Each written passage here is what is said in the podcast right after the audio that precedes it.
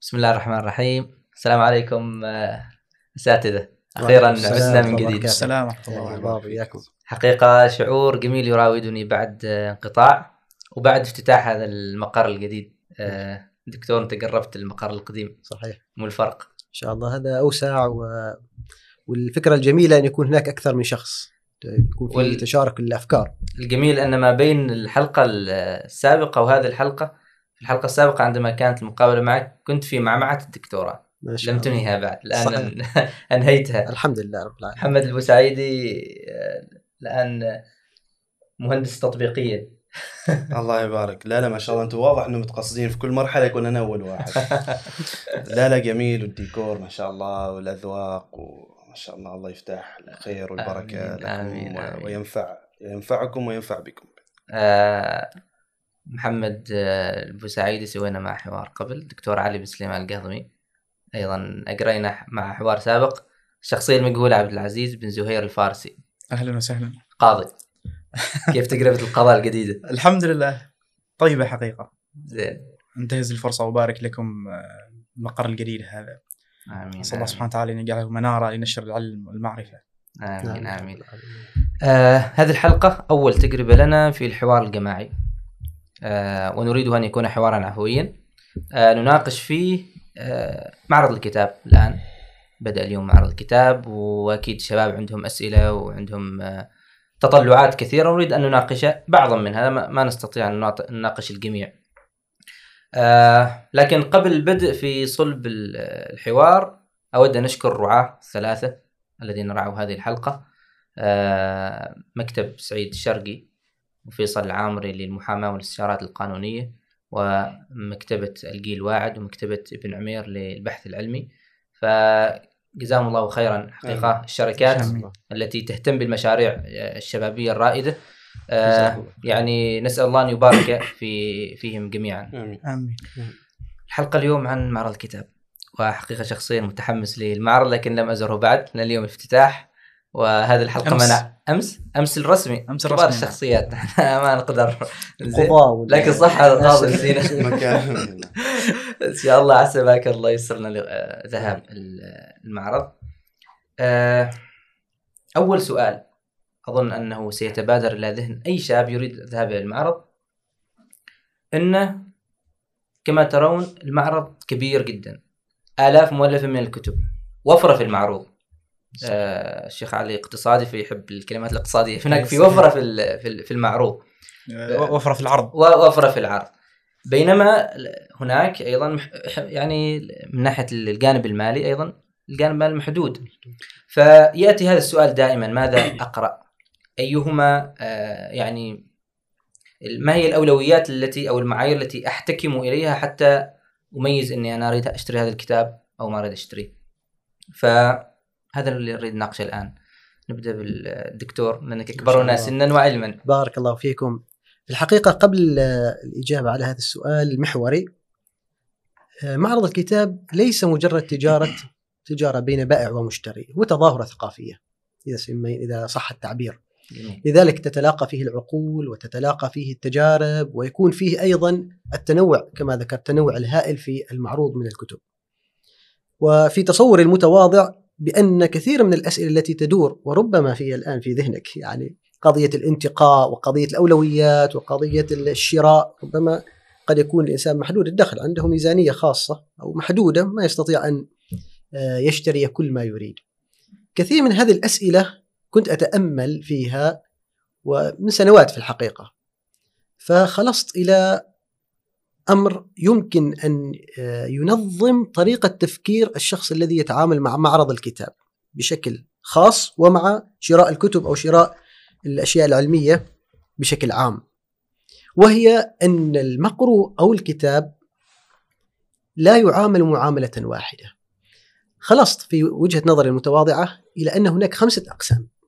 ينبغي أن نحددها ونعرف الفروق بينها كي تتحدد لنا لدينا الأولويات تتحدد لدي- لدينا طريقة القراءة الكتاب هل كل كتاب يقرأ يحفظ ويضبط أو كل كتاب أو هناك آه، تنوع خمسة. أقسام من الكتب من الكتب آه. أو من المراجع العلمية لكن طالما حديثنا عن معرض الكتاب نقول هناك خمسة أنواع من الكتب وربما يعني تضيفون أو تناقشون المسألة قابلة للنقاش والطرح. اولا الكتب التي تكون ذات التأسيس العلمي.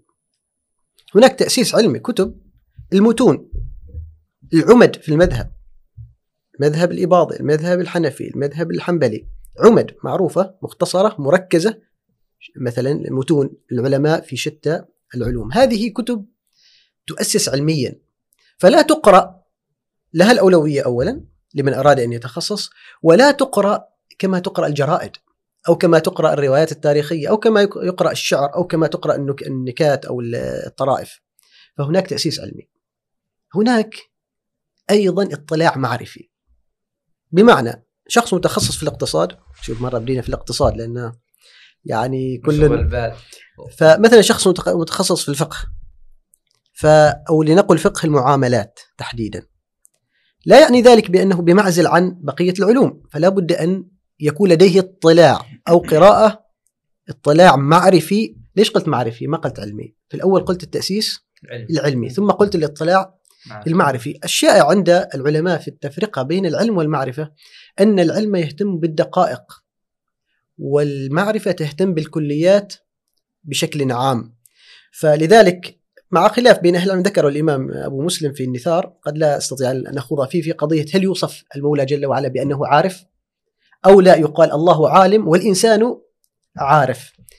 باختصار المعرفة تكون أقرب ما تكون إلى السطحية ليست السطحية بالمعنى السلبي ولكن بمعنى الكليات. بينما العلم يهتم بماذا؟ بالدقائق لذلك التأسيس يكون قويا. أما المعرفة تكون اطلاع. مثل ماذا؟ القصص التاريخية. كتب السيرة لمن لم يكن متخصصا في دراسة الأسانيد أو نحو ذلك يحتاج إلى اطلاع في بقية العلوم.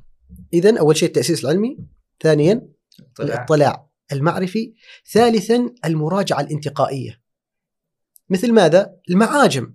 غالب الناس بل غالب أهل العلم لا يقرأ آه، لسان العرب من أوله إلى آخره كما يقرأ كتاب شرح النيل مثلا أو يقرأ كتاب النيل. لماذا؟ لأن هنالك وضع هذا الكتاب للمراجعة الانتقائية. الموسوعات.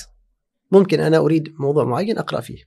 إذا هذه المراجعة الانتقائية. هنالك إرواء روحي. وأنا في وجهة نظري بأنها مهمة جدا لكل الفئات. ما معنى الإرواء الروحي؟ السلف الصالح لديهم كتب هي بمثابة مواعظ تعيد الإنسان إلى ذاته وتعرفه بحقيقة وجوده في الحياة. كتب الزهد والرقائق. كتب سير العلماء الصالحين أو السلف عمر بن عبد العزيز. إذا تقرأ سيرة الفضيل بن عياض تقرأ سيرة الحسن البصري تقرأ سيرة الزاهدين العالمي تجد فيها مواعظ. إذن هو إرواء روحي. يعني الموعظة ما تعطيك معلومة أنت تجهلها. لما يقول لك يذكرك بالآخرة أنت تعلم بأن هناك آخرة. لكن هناك إرواء روحي من باب وذكر فإن الذكرى تنفع المؤمنين. هذا الإرواء الروحي. وهنالك تسلية للنفس بالمباح الهادف كالقصائد. كتاب البخلاء للجاحظ كتاب أخبار الحمقى. والمغفلين. هذه كتب فيها فائدة لكن الجانب الذي يكون فيه ترفيه يغلب عليه فيها متعة هذه. فيها أذكر متعة. كتاب أخبار الحمقى والمغفلين بدأت قراءته بعد صلاة الفجر. نعم. كنت في السنة الثالثة في الكلية. فأعجبني. قلت اليوم ما أسير الكلية. طاف. أيوة فواصلت القراءة إلى انهي انهيته حقيقة يعني قسم آه يعني وجود قسم للكتب التي هي فيها متعة مهم مهم. لكن أهم شيء ما تضحك أمام الناس في مكتبة مثل ما حدث معي في كلية العلوم الشرعية. سابقا؟ كان آه. معهد العلوم الشرعيه كنت أقرأ هذا كتاب الحمقى والمغفلين أحيانا عندما تتكاثر الظباء كما يقال على خراش أخذ لي كتاب أدبي وأقرأه من أجل آه، هذا التسلية الهادفة. فكنت أقرأ الكتاب فاضطررت إن بعض القصص أتخيلها كأنها أمامي. بعض الحمقى لما يتصرف أتصور كأنه أمامي الآن يرتكب تلك الحماقة فأضحك. فأخشى أن يرتفع الصوت يقول هذا الإنسان به شيء في في عقله يعني المكتبة هادية وأنا أقرأ وعايش الجو يعني. فهذه الخمسة أنواع. هذه الخمسة أنواع تحدد الأولويات تحدد في قضية أيضا الانتقاء جميل جدا. لكن الشيء هذه الحين حتى الكتب الفكرية ممكن تبعث على الضحك بعد. صحيح. ما لازم الكتب الترفيه. حتى مرات حتى الكتب الفكرية ممكن تكون من باب التسلية أيضا. عندما تكون متهافتة فعلا سنأتي الكتب الفكرية المتهافتة. الآن ال- نعود للمحور الآن. وفرة المعروض مع الانتقاء يعني الآن مثلا انت ذكرت أن بعض الكتب انتقائية مثل المراجع. فتنتقي منها تعود كتب التفسير. يقول لك شخص لماذا أشتري كتاب تفسير من عشرة أجزاء أو ك- معجم من مثلا لسان العرب مجلدات كثيرة؟ وبإمكاني إني آه، مكتب الشامله بالإنترنت أبحث عنها. عبد العزيز. آه، الحقيقة قبل عن هذا السؤال أيوة. يعني أود أن أعقب على كلام الدكتور علي. الحقيقة أنا أتفق معه. وهذه كانت الفكرة في بالي ما أعرف سبحان الله لأننا متوافقين إن شيء. شاء الله. لي الشرف بذلك بالعكس حقيقة أنا أتشرف آه، أن تقسيم هذا ال... والحقيقة النقطة المهمة اللي ذكرها أو التي ذكرها أن ما نتصور أن هذا التقسيم مهم للباحثين أو لطلاب العلوم الشرعية كما كما قد يتصور يعني. لكن ال- حتى المتخصصين في مختلف المجالات الحياتية في مختلف العلوم هم بحاجة إلى مثل هذا التقسيم. أن يكون عندهم قراءة في مجال التخصص نفسه وهذه القراءة قراءة م- ما تكون قراءة مثل ما تقرأ الروايات أو تقرأ الكتب الأدبية أو تقرأ الجرايد كما ذكر الدكتور وإنما لها قراءة خاصة. يعني وكل شخص له له يعني أسلوبه في هذه القراءة. لكن يلزم أن يميزها بحيث أنها ما, ما تكون قراءة عابرة يقرأ الكتاب كأنه أي كتاب. وكذلك عنده زين زين فصل يعني الآن القارئ أنت ذكرت أن هذه القراءة قراءة التأسيس العلمي قراءة تخصص قراءة خاصة نعم كيف؟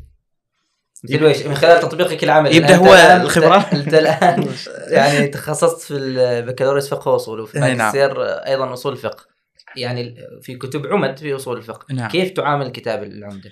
تلخصه تقرأه مثلا مثل ما ذكر عن المازني. أنا قرأ كتاب الرسالة أكثر عن إيه، مرة. نعم نعم. نعم آه هذا يجر إلى نقطة. مم. إن- اللي هو آه، التدرج في القراءة التخصصية أعني آه، من يريد أن يتخصص في علم ويقرأ في هذا التخصص الكتب العمد أو الكتب التخصصية آه، عليه أن يتدرج في هذه القراءة. ما يمكن أن يقفز إلى الكتاب الأم أو الكتاب الذي هو يعد من من مؤسسي هذا العلم دون أن يمر بالكتب الممهدة إن صح أن نقول يعني لهذا الكتاب. آه، وبالتحديد خاصة أنا ما- أتكلم عن العلوم الأخرى يعني إذا جينا مثلا إلى كتاب إلى إلى علم أصول الفقه أو إلى الفقه بشكل عام ما يمكن يعني القارئ أو المتخصص في هذا العلم يقفز إلى الرسالة مثلا أو إلى كتاب ال- ال- البقلاني أو مثلا أو مثلا إلى إلى إلى الغزالي إلى المستصفى. يجب أن يمر بمجموعة من الكتب التي تمهد المباحث التي يذكرها هؤلاء العلماء. هذا بالنسبة النقطة الأولى في في القراءة التخصصية اللي هي التدرج مراعاة التدرج. المسألة الثانية والنقطة الثانية الأسلوب. أنا الحقيقة أحب من يقرأ كتابا تخصصيا أن إما أن يفرد له مذكرة مثلا أو كتاب أو مثلا يكتب الملاحظات آه، يكتب الأسئلة التي تأتي إلى ذهنه أثناء القراءة آه، ومنهم من أنا شخصيا أحب أن أكتب على هوامش الكتاب. غالبا هكذا ما أحب أن أمر على الكتاب بدون ما أسجل فيه أي أي ملاحظة شيء. لذلك الكتاب يكون ممتلئ يعني من الجوانب من حواشي. الأعلى من حواشي نعم. ما حواشي علمية أو شيء لكن أحيانا أسئلة تأتي وأضطر مثلا. واحيانا عندما تعود إلى الكتاب تجد ذلك السؤال يعني في القراءة الثانية تغفل عن سؤال كتبته سابقا. بالضبط بالضبط. فهذا هذا المهم أنك ما تمر على صفحة أو ما تمر على آه، مثلا سطر من الكتاب إلا وتأملته قرأت ما فيه استخرجت الكنوز التي فيه. يعني كنت أذكر آه، آه، كلام للدكتور الشيخ عاشور رحمه الله يعني كان ينصحنا في القراءة التخصصية إنك ت- لابد وان تصادف فقرة أو تصادف صفحة تغلق عليك لا تستطيع أن تفهم ما فيها. يقول لا تغادر هذه الصفحة حتى ولو قرأتها مئة مرة إلا وفهمت ما فيها. وهذا الحقيقة يعني أنك إذا إذا إذا مررت بسطر أو مررت بفقرة ما فهمتها المفتاح لهذا هو أنك تكرر تكرر القراءة أو حتى تكتب تكتب ملاحظات ما فهمت ما فهمت هذه الفقرة. فلعلك في, القراءة الثانية أو في السؤال والقراءة الثالثة أو حتى حينما تكرر القراءة قد يعني تنفتح مغاليق هذه ال- الفقرة أو ما أشكل عليك. يعني لو أردت أن ألخص محمد عشان نسمع رأيك في الموضوع يعني ال- القارئ يحدد ما يشتريه من المعرض بناء على تخ... من المعرض بناء على تخصصه آه ويرتب أهمية الكتب بناء على هذا التسلسل. فالكتب المتعلقة بتخصصه العلمية التأسيسية تكون هي في المقدمة ثم كتب أخرى معرفية آه انتقائية وهكذا. آه، في الحقيقة نعم. آه، هم ما شاء الله تكلموا من خلال تخصصهم في الاقتصاد والفقه والأصول وأنا في مجال الهندسة.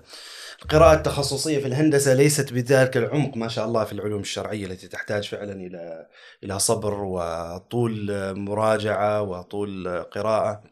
إحنا دورات وكذا فأنا سأخاطب من هم يعني مثلي. هذا هذا مهم لأن المجموعه الآن يعني شريحة كبيرة من من الشباب الذين سيزورون المعرض ليس تخصصهم شرعيا. وهذا سنأتي إلى مناقشته إن شاء الله لاحقا بالتفصيل. فأنا س- كلامي سيكون موجها للقارئ الذي دخل المعرض وهو يبحث عن ماذا سيقرأ. جميل. لا يعرف ماذا أنا لماذا دخلت المعرض. طيب كلامي سيكون موجها لهذه الفئة. حقيقة يعني هنا عاد نأتي إلى نقول لهذا داخل المعرض هذا نقول اكتشف نفسك. يعني مثلا أكيد أنت في حياتك أولا اكتشف نفسك أنك دينك اكتشف الدين. فمن ناحية الانتقاء الكتب في البداية حاول أن تجد ما تقيم به دينك تقيم به عبادتك تقيم به علاقتك مع الله سبحانه فهذا شيء مهم وأساسي في تحتاج أن تتعلم حتى يعني تؤدي رسالتك في هذه الحياة والهدف الذي خلقت لأجله. الأمر الآخر اكتشف نفسك. ما هي الأسئلة الملحة عندك في الحياة؟ كل إنسان عنده أسئلة ملحة في وهو يعافس هذه الدنيا. اكتب هذه الأسئلة الملحة وحاول أن تبحث حتى في في الشبكة الآن عن كتب آه، أجابت عن هذه الأسئلة. طيب وانتقي من خلال مرجعيتك الدينية آه، حاول أن تجد من أجاب عنها باستخدام هذه المرجعية الدينية عن هذه الأسئلة الملحة اكتشف جوانب القصور النقص الذي عندك ما, ما, ما إيش أنا ما الذي أحتاجه؟ ما الذي أحتاجه؟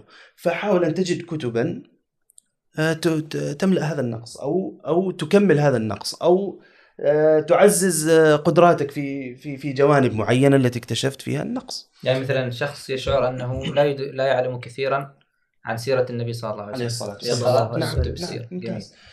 أيضا الفضول. هناك جوانب نقص أيضا وهناك جوانب فضول. أنا أريد أن أعرف في هذا الجانب المعين هذا. ما أعرف شيء عن الفيزياء مثلا ما أعرف آه، عن علم أصول الفقه. هذا الفلسفة الإسلامية العظيمة هذه اللي أسمع الفلسفة فهم النصوص. آه، تقول أنا أبدأ أبحث. لكن طبعا عن علم أصول الفقه مثل ما قال لك التدرج المتخصصون يقول لابد من التدرج ابدأ بالمداخل. وبعد ذلك ستجد كيف تملأ فضولك ب- ب- بانتقاء هذه العناوين ال- الجيدة في هذا الجانب. فلعل هذا الجانب يفيد جميل جدا. آه، إذا أذنت لي بمداخلة آه، بارك الله فيكم ذكرتم نقاط مهمة. في مسألة التأسيس إذا أردت أن أبني بيتا أنا ذكرت بتأسيس علمي يعني فيه بناء فيه أركان فيه أرضية صلبة. لما الشخص يكون فقيه يكون عنده أرضية صلبة من أجل أن يبني عليها قراءاته. هذا بشكل مختصر أو بشكل يسير مسهل. لو أراد شخص أن يبني بيتا ويطمح أن يكون له طوابق وفيه فروع وفيه مرافق لابد أن يؤسس. هل يؤسس من مجرد قناعته الأولية أو من مجرد انطباعه النفسي في تصوري بأنه يحتاج إلى مختص يوجهه لأسس ذلك البناء المعرفي أو لذلك البناء العلمي؟ من هم العلماء المختصون؟ يعني آه الأخ العزيز ذكر قضية التدرج. من الذي يعرف الكتاب الذي يكون قبل وبعد؟ هنا فعلا. تظهر ضرورة القدوات أو العلماء الراسخين الذين يبنون العل... ال- عندنا مشايخ ما شاء الله. إذا جينا إلى الشيخ محمود صوافي وكذلك المشايخ الذين يدرسون في الكليات وفي حلق الذكر وطبعا المشايخ جميعا جزاهم الله خيرا. فهنا يظهر أهمية أن يتبع العالم بعض النصائح من أو طالب العلم من العلماء. يقول ماذا أبدأ؟ أنا الآن أبغى أشق أريد أن أشق طريقي في الفقه. ابدأ بالكتاب الفلاني. لا تبدأ بالكتاب الفلاني. لماذا؟ لأن ذلك بنبجدتها ذلك الشخص الحاذق أو ذيقها المرجب في هذا الميدان. خبر ذلك العلم من فك يحلب هذا الدهر أشطره يكون متبعا طورا ومتبعا. يعني الشيخ مثلا سماحة الشيخ خمسين سنة وهو يقلب في أصول الفقه أو في الفقه فهو يرى ويعلم أن ذلك الطالب. أيضا في بعض الأحيان تكون فراسة العالم بأن ذلك الطالب يبدأ من ممكن تسميه ما دون الصفر بعد. حتى يؤسس لنفسه يحتاج إلى مثلا يأتيه في الفقه يقول له لحظة أنت ما تعرف الفرق بين الفاعل والمفعول فلديك تأسيس ما قبل بيسمنت يعني ما قبل التأسيس ما قبل. العلوم علوم الآلة. فمن الضروري جدا ألا يكون الإنسان نعم قد يكون لديه طموح ولديه توجهات لكن كما قال الشيخ أبو مسلم رحمه الله وفاقد العين محتاج لقائده لولاه لم يدري مهما جار أو سدى. جميل جميل جدا. آه هذا يقرنا إلى موضوع ال- الكتاب الورقي والإلكتروني. الآن تعلمون أسعار المعرض. زين ال- المعرض عفوا دائما أنا أنا لأن عرض يعرض فاسم المكان يكون على وزن مفعل ف ال- ال- الكتب كما تعلمون لها أسعار كلفه في المقابل عندنا مكتبة شاملة عندنا يعني يستطيع بضغطه زر يحمل الكتاب. على سبيل المثال الان هذا الآيباد عندما دخلت الماجستير آه، طلب منا في كل مادة نقرأ بحوث وكتب. فما أستطيع شراء جميع الكتب. اولا لكونها لكونها يعني يعني بعيدة. أو لك- لكون الكلفه عاليه فأحملها جميعا في الآيباد ثم أقرأها. فالآن يأتي الشاب يقول ما الداعي لأن أشتري كتابا وأدفع فيه مبالغ خاصة الكتب الكبيرة آه، أو كتب المراجع. وفي المقابل أستطيع أن أجد كل هذه الكتب في الشبكه العنكبوتية وأحملها في ال- الآيباد آه، كندل آه، ايا كان ايا كان التطبيق يعني أو ال- الآلة المستخدمة. فهل الكتاب الورقي له حاجة؟ هذا السؤال الذي يريد أن أطرحه. محمد. الحقيقة أنا قلت تذكر في أول حلقة قلت أنا مع الكتاب الورقي وقلت تراجع تحتاج اي تراجع نعم. اي نعم قلت ريال مدريد بعد إنه كنا فريقين. صح، ريال مدريد. وهي. فأنا حقيقة أستمتع كثيرا بالكتاب الورقي. أستمتع. في روحانيات. إي لعل نعم. بسبب دراستك مع الشيخ حمود. الشيخ حمود نشوف يعني مع أنه أعمى لا يرى وهو أبصر منا لكنه يقلب ال- الكتاب كتاب، إيه، نعم. يعني يشعر بعض الأحيان معه. يأتينا مواقف مع الشيخ حمود. من الله علي ب- بأن أكون تلميذا بين يديه أحيانا يقلب الكتاب ونحس أنه في بداية الصفحة يقول اقرأ من هنا يعني يتلمس وحتى ملمس الكتاب يقول هذا ممكن في بداية الكتاب اقرأ لي من هذا المكان يعني أصبح لديه الله. نعم نعم، فعلا. فعلا وهذا الذي تعودنا عليه يعني الكتاب الورقي له مكانته والذي علم بالقلم علم الإنسان ما لم يعلم. يعني القلم تمسك القلم والكتاب. هذا يقول لك قلم. قلم. أي قلم؟ أنت كتبت. يكتب الرعاة كتب الزكاة. زكاة. أيوه. فإيش قلم فالقلم هو هذا القلم. الذي الذي يخرج منه الحبر نعم. زين المداد. لو إنما في الأرض شجرة أقلام والبحر يمده من بعد سبعة أبحر. على كل حال لكن في نفس الوقت يعني نواكب العصر مثل ما يقول ال- الكتاب الورقي له مكانته والكتاب الإلكتروني كما يسمى هو بديل مزعج للكتاب الورقي. أنا هذا الذي أقول. تقييد يعني هو بديل مزعج للكتاب ال- ال- الورقي. زين و يعني فيه مميزات حقيقة وفيه أيضا عيوب. يعني من مميزاته أنه خفيف وسهل التحميل و يوفر المادة.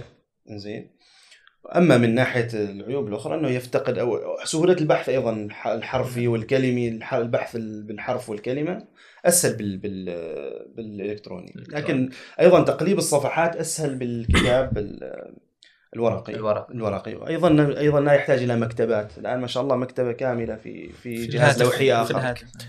نعم. خاصة للسفر. تسافر تشيل نعم. معك مجموعة كتب. فأنا الذي أقوله استخدم الاثنين. جميل. استخدم الاثنين الآن لكن لا تفرط في الورق. لا تفرط. ريحة الورق مختلفة. من أي الفريقين؟ أنا يعني أتفق معاه في هذه النقطة حقيقة لكن آه، يعني ما أعلم الكتاب الورقي إلى أين يصل إلى أين سيصل. زين. الآن آه، فيما يتعلق بالمكتبة الشاملة وحتى بالكتب المجانية اللي ذكرتها الآن في الشبكة. ما أعرف لا يمكن عندي أنا فقط هذه الملاحظة لكن ألاحظ أن الكتب الشرعية زين المتعلقة بالعلوم الشرعية هي المتوفرة مجانيا يعني أكثرها وأغلبها. أنا لعلي بحثت في في الشرعي وبحثت في القانوني حتى. نعم. من الصعب جدا من النادر أصلا ما ما تحصل. كتاب قانوني مجاني في الشبكة بصيغة ال PDF مثلا. فضلا عن إنه مشى مكتبة شاملة يعني. المكتبة الشاملة هي حتى المكتوب الكتب- باللغة الإنجليزية في ال- في ال PDF قليل. أقل. قليل نعم. إلا بالشراء. فالموازنه لازمة. زين الكتاب الورقي مختلف طبعا له طقوسه شعور مختلف. لما تقرأ كتابا ورقيا عن تقرأ كتاب في الهاتف أو في الجهاز لكن تضطر بعض الأحيان خاصة في المكتبه الشاملة عندك موسوعة مثلا. الموسوعه تكلف آه، مبالغ كبيرة. زين كذلك آه، أحيانا مسألة الكتب القديمة أو الطبعات القديمة التي لا وجود لها لكن تجدها مصورة. وهذه حقيقة ميزة تضاف إلى الكتب الإلكترونية هذه أنك تجد طبعة قديمة نفيسة لكتاب خلاص الآن أصبح لا يطبع أو ما- موجودة أصلا لا تباع. أو إنها تباع لكن بثمن بثمن كبير. أنا بنفسي صادفت بعض الكتب يعني تعرض بمبالغ كبيرة جدا.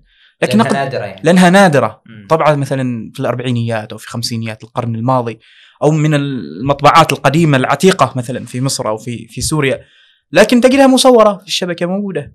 أو تجدها نفس المطبوع في المكتبة الشاملة. فالموازنة يعني مطلوبة يعني- كما ذكر الأخ محمد. دكتور علي هل يمكن أن يعني نفرق أو نفصل في هذا الموضوع؟ يعني بالنسبة لي على سبيل المثال أرى أن الكتب في التأسيس العلمي المرحلة التي ذكرتها مهم جدا الورقي لأن الكتاب يكون معك تلازمه ويلازمك وتكتب فيه وتلخصه وتعود وتبني علاقة صداقة مع هذا الكتاب. قد يستمر سنين. زين آه بينما كتب الاطلاع التي قد يعني تقرأها مرة ولا وليست من الزاد العلمي فقد لا, لا تحتاجها يعني ورقيا. يعني رواية على سبيل المثال تقرأها فبالإمكان أن تقرأها مثلا بال- بالكتاب الإلكتروني. فإيش رأيك بالتفريق؟ آه، قبل الحديث عن هذه النقطة نقطة مهمة جدا وهو تفريق حسن. لكن دعنا آه، عن أول إشارة أشرت إليها في مسألة الغلاء. جميل. غلاء قيمة الكتاب الورقي. غلاء القيمة وارتفاع السعر هذه من معطيات العرض والطلب في التجارة. ولذلك هي موازنات خارج إطار النطاق الفكري. يعني المفكر أو العالم أو طالب العلم موازنات السعر الكتاب غالي أو رخيص هي خارج قدرته أصلا لأنها تصنع ضمن آلية العرض والطلب في السوق. جميل. لذلك أنا ما أقدر ما أقول لا ألوم ولا أعذر. لأن لا أدخل في تفاصيل التجار أو أصحاب المكتبات لأن هنالك اقتصاديا نظرية بسيطة أو قاعدة بسيطة وهي ما تسمى بتناقص الكلف. الكلفة مثل هذا الكتاب أنا أختصره حتى لأن فيه رسم بياني وكذا فأختصر الفكرة. هذا الكتاب لو أردت طباعته. لو مثلا ألف نسخة. تكون كلفة الكتاب الواحد ألف آه، ريال مثلا.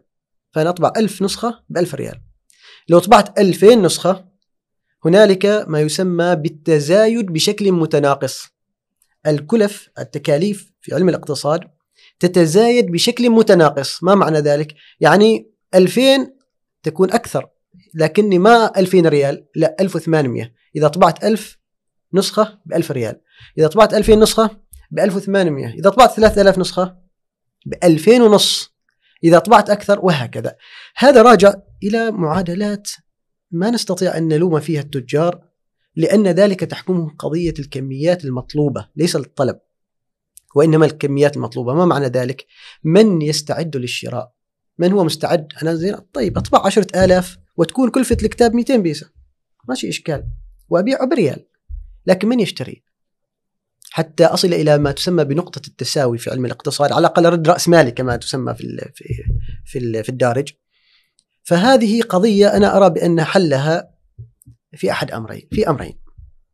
الأمر الأول تدخل الجهات غير الربحية لدعم الكتاب. جميل. يعني المؤسسة الإمام جابر والمؤسسات الأخرى تدعم الكتاب بحيث ما أقول أنها تبيعه مجانا. وإنما تخفض من كلفه لفئات مستهدفة. طلبة العلم طلاب كلية العلوم الشرعية طلاب المراكز الصيفية تكون كلفة إما أن تكون بسعر التكلفة حتى يرد رأس المال مثلا أو ليكون بكلفة يسيرة جدا أو ليكون مدعوما أو القطاع الحكومي. لأن هذا من البناء المعرفي. الحكومة تبني مدارس تبني جامعات تهتم بهذا. من ضمن ذلك آه، نشر المعرفة ما دائما بصورة الكتاب التقليدي وإنما بشكل عام. الآن نرجع إلى سؤالك. نعم أنا أؤيدك في هذه الفكرة وهي أن بعض الكتب خاصة الكتب التي قد يكون ثمنها آه، باهظا الكتب الموسوعية. ما كل الناس يستطيع يشتري كتاب لسان العرب خاصة من ذوي الدخل المحدود. فليكن الكتاب الإلكتروني إذا لم يكن طبعا لديه مكتبة عامة أو لديه آه، في بيته النسخ آه، موجودة فليكن ذلك للمراجعات لأن بسهولة مثل ما قال آه، الأخ سعيدي هي قضية سهولة الوصول إلى المعلومة فليكن إلكترونيا. لكن الكتاب الذي يريد أن يعيش معه خلونا نعبر تعبير شبابي قصة حب. إيش رأيكم في التعبير؟ جميل. جميل. هي صحيح. عن روايات الحب. يا سلام. يا سلام. نلطف كله علم وكله خلينا نرطب شوية نلطف الأجواء. زين. هذه الشجرة كذا تعطينا جو من الرومانسية يعني. فليعش معه قصة حب. شيء كتب وجدتها لبعض المشايخ. تحصل الكتاب تعرف الطبعات التي سابقا في الذهبية. كثرة ما تكتب ما تمس- تمسك نعم. تمسح الكتابه تمسح ال- هذه النقشه نعم. فتجد أن بعضهم يكاد لا يوجد هنالك ما تعرف حتى ما تعرف تقرأ عنوانه. لماذا؟ لأن هذا الإنسان قد جعل رابطا نفسيا. قصة حب خلينا نسميها بينه وبين هذا الكتاب المرجعي بل أحيانا نفس الطبعة. ما يحب الطبعة الجديدة. لماذا؟ صحيح. لأنه تأسس حتى يعرف في الصفحة ويعرف في الكتاب وهذا أيضا منهج حسن في أن يجمع الإنسان بين الأمرين. لكن أنا عندي ميلولة حال خالي.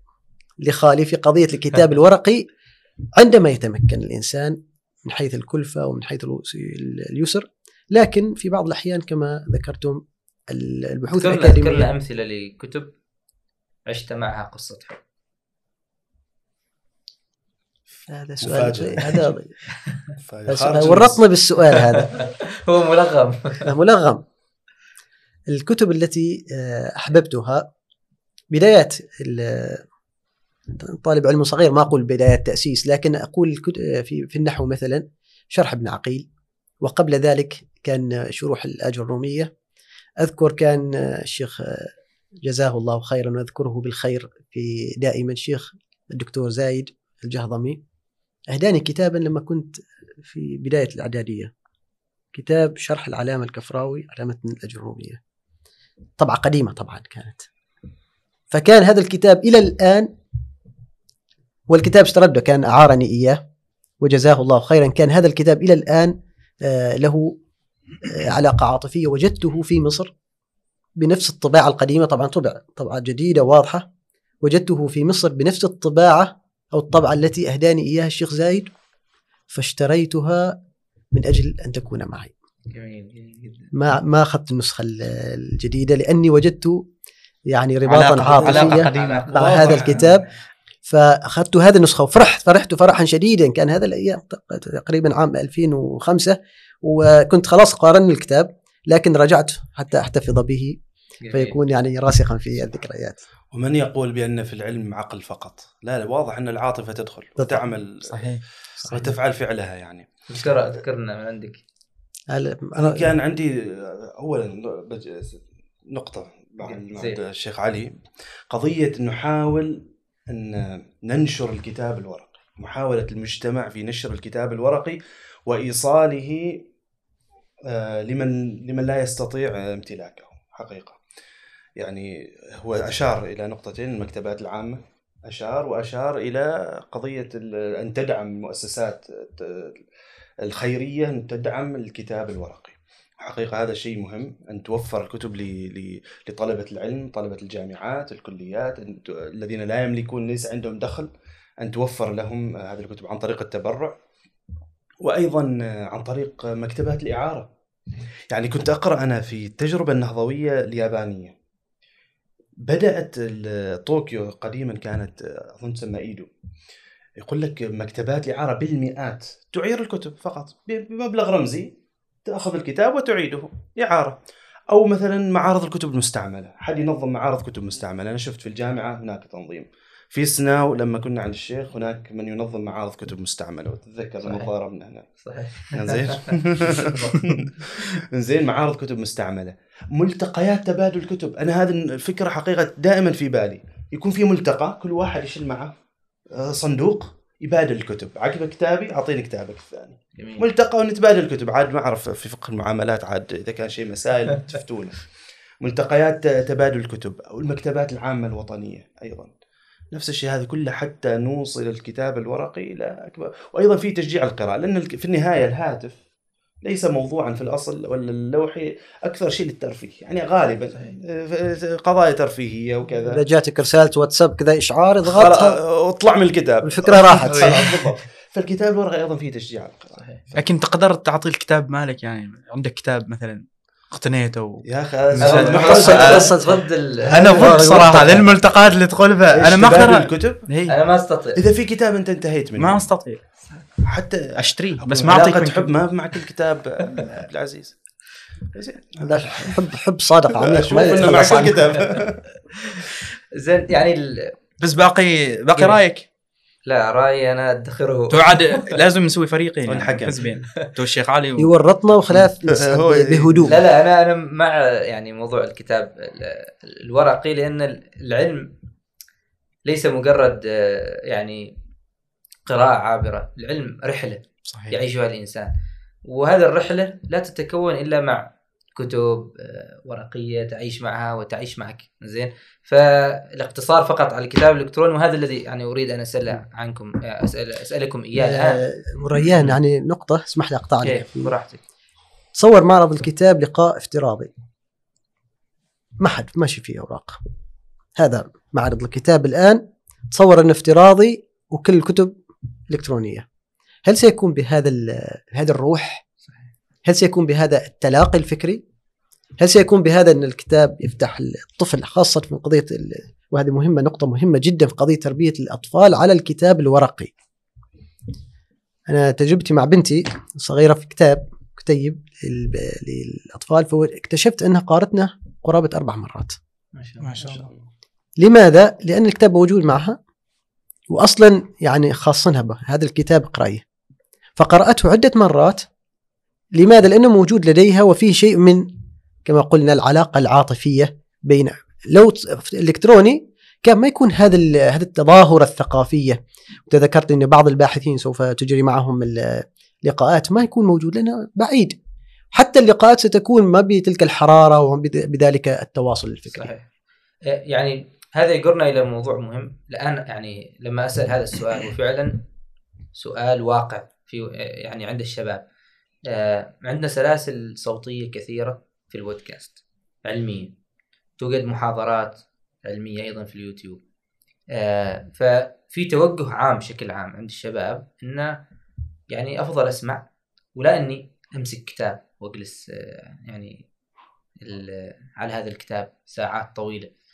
آه، ويقول لك إيش الفرق؟ أنا أسمع سلسلة علمية مثلا في أصول الفقه آه، من عالم مختص قرأ بحورا في العلم و أو أني أقرأ بنفسي كتاب قد لا أفهمه.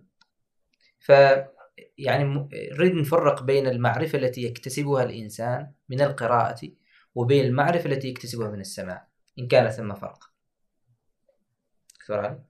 نتصور أن المقارنة بين قوسين غير عادلة لأن نقول إما أن يسمع وإما أن يقرأ يمكن أن يكون الس- السماع رافدا من روافد المعرفة لكن القراءة لها خصوصية لمن كان من الله تعالى عليه بالقدرة طبعا لأنه بعض الناس آه، كفيف مثلا ابتلاه الله تعالى بالعمى فهو لا يستطيع يسمع فقط لكن يسمع ماذا؟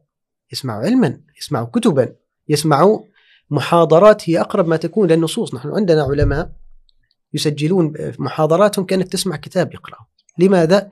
من تسلسل الأفكار من جزالة الألفاظ. والرصانه أيضا. الرصانة تشك إنه يقرأ من كتاب. نعم.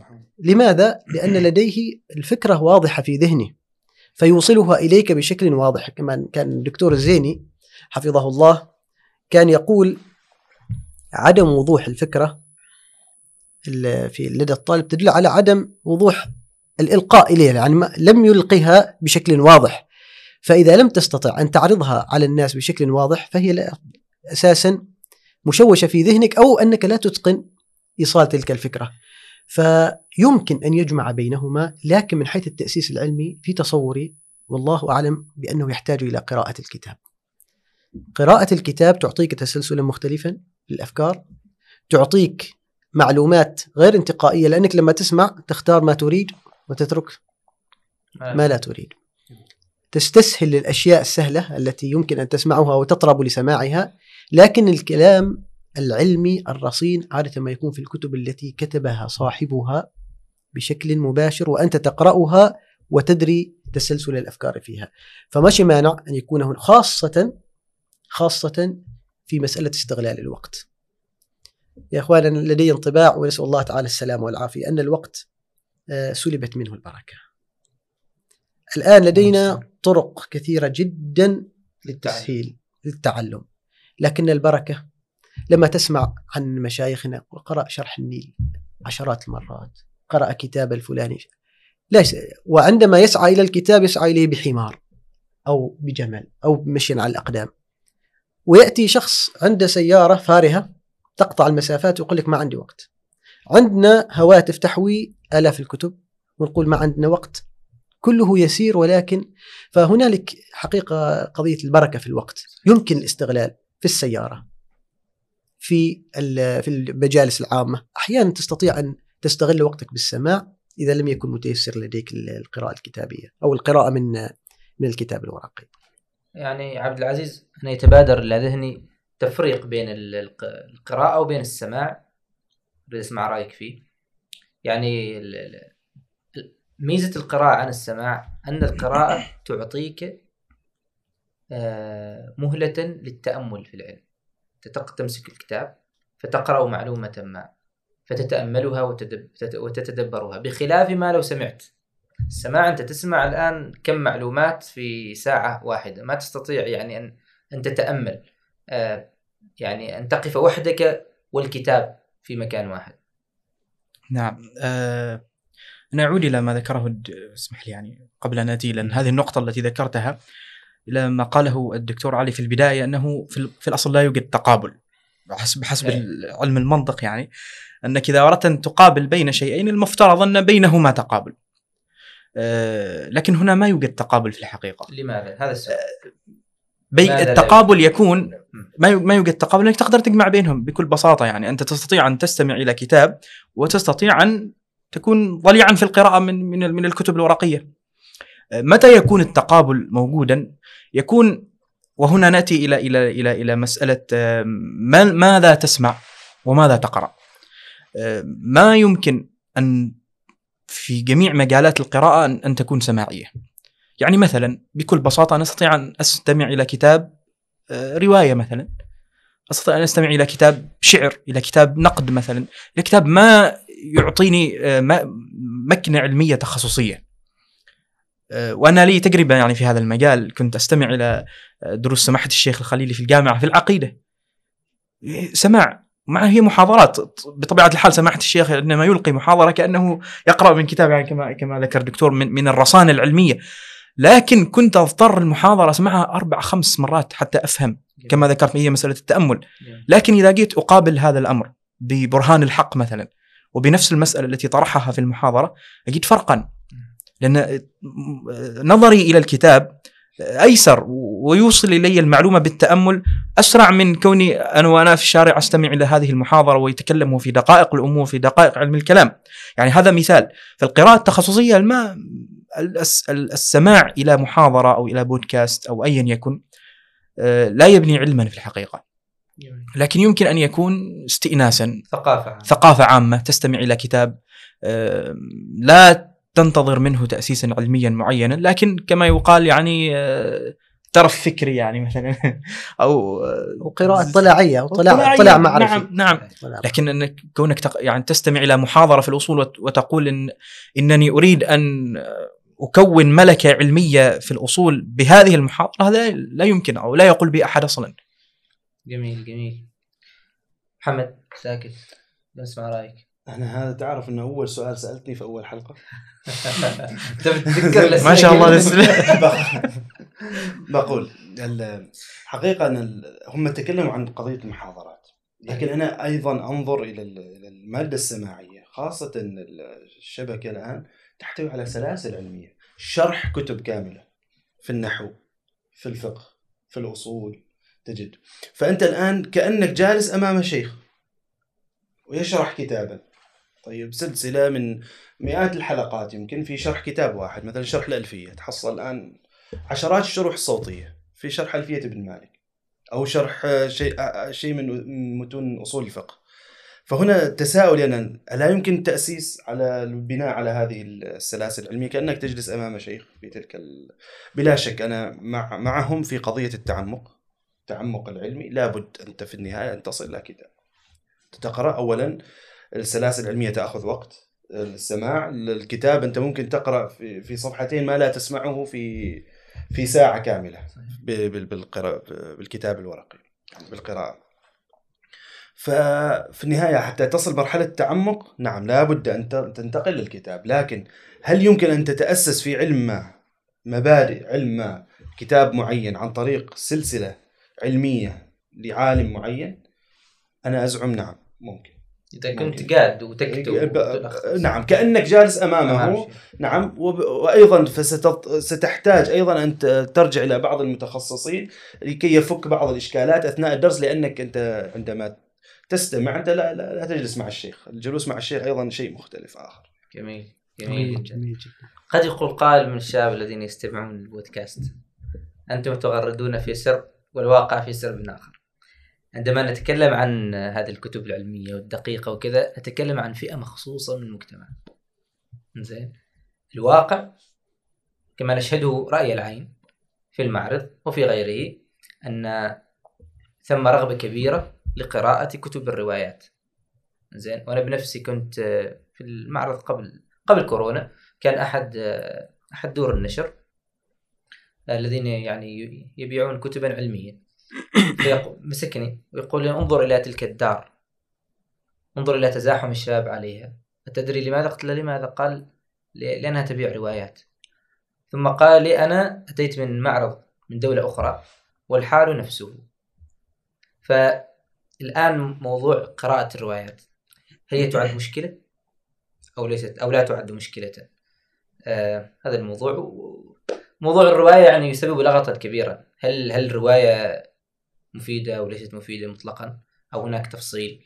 آه هل هذا الزخم للرواية أيضا ظاهرة صحية أو لا؟ أن الروايات تقرأ في مجال وفي أوقات بحيث لا تطغى على الكتب العلمية. آه، أبدأ أهم شيء. أهم شيء إذا السؤال ما تحطه في التشويق عشان الشعب اللي يروح المعرض ما ي- يسمع الحلقة يعني لكن أبدأ- مشكله مع الجمهور. أبدأ بك لأنك أنت لعلك يعني أكثرنا قراءة للروايات لا لا ما ما ما اقرا أنا كان عن نفسي أنا من من الأشخاص الذين لا يحبون كثيرا قراءة الروايات آه لسبب أني أريد المعلومة الصريحة نعم. في ما الرواية تريد تدخل متاهات أيوة. وآخر شيء حبكة وما حبكه يعني الرواية مثلا تريد أن تتكلم عن المادية. فتتكلم عن المادية في 500 صفحة. تستطيع تلخيص تلك المعلومات التي التي اكتسبتها من وراء في في صفحتين. تكل اتبع علم يعني وبعرفه طبعا ما الا تبغى تغي... ما تعيش الأجواء الرومانسية والحبكة. إلا في حال واحد. إذا كان الكاتب اديبا فهنا تكتسب اللغة. تستمتع يعني باللغة. المثال أذكر. يعني قرأت كتاب للطنطاوي. أظنه رجال من التاريخ. فذكر يعني إحدى القصص ذكرها في عشرات الصفحات لكن بداية ذكره للقصة في- كتب في الحاشية أن هذه القصة أصلها واق... آه، يعني يعني قرأتها في جملة واحدة في حاشية أحد الكتب. فوسعها إلى أن أصبحت في عشرات الصفحات لكن تكتسب ادبا يعني. زين فلذلك أنا أريد أن أطرح هذا السؤال عليكم لأن آه، لعلكم أك... أكثر مني قراءة في مجال الروايات. أنا حقيقة ما ما كثير خبرة لكن أحسبني أجبت عن هذا السؤال سابقا. صحيح. في إنه هناك روايات مفيدة في جوانب فكرية وضربت أمثلة وجوانب اجتماعية وجوانب أخلاقية أيضا تنمي الأخلاق هناك روايات. لكن أنا أقول في تحليلي لظاهرة إقبال الشباب والشباب على الروايات أن الإنسان الحديث الإنسان المعاصر الإنسان العصر الحديث هو مقبل على الترفيه أكثر من أي شيء آخر. يحب الترفيه وهذا نوع من الترفيه. مثل الترفيه في ال PlayStation مثل الترفيه في الأفلام مثل الترفيه في المسلسلات الترفيه في في الروايات والألعاب. هذا نوع من الترفيه ليست قراءة ما نسميه قراءة نسميه ترفيه. نوع من الترفيه لأن كثير من هذه الروايات أنا أيضا يعني أمر على هذه الروايات وطبعا تجيني منشورات إنه تعال معنا وكذا ويعرضوا لي طبعا أشوف أنواع الروايات هذه. روايات سطحية ونحن في عالم حقيقة مليء بالسطحية ومليء بالتفاهه طيب. فكثير من هذه الروايات تنصب في هذا الجانب. ترفيه سطحية تفاهه طيب. هل هناك روايات مفيدة؟ نعم هناك روايات مفيدة. لا يمكن أن نضرب إكس على على كل الروايات. طيب هناك روايات لكن تكون منتقاه تفهم فيها فكرة عميقة فيها تحليل اجتماعي فيها تحليل أخلاقي. لعلي ضربت أمثلة سابقة روايات يحيى حي بن يقظان مثلا في في في مسألة آه، الوجود. الوجود. نعم نعم الأسئلة الوجودية هذه. رواية حي بن يقظان ف-. ابن الطفيل نعم. فهناك روايات أخرى أيضا ومترجمة بعض الروايات مترجمة فيها بعد أخلاقي. حتى الشيخ كهلان في أظن المسلمون والغرب إشكالية الفعل وردة الفعل أشار إلى بعض الروايات هذه إنها مفيدة. أشار إلى رواية فيكتور هوغو أشار إلى بعض الروايات آه، تولستوي آه، لامارتين أظن أشار إلى بعض هؤلاء الروائيين. يعني فايضا حتى الشيخ كهلان لعله له اطلاع بهذه الروايات ف يعني نستفيد منهم. طبعا المشايخ لهم رأيهم أولى يعني مني في هذا الجانب. تفضل. ما شاء الله. بارك الله فيك. حقيقة ينطق بما كنت أريد أن أنطق به.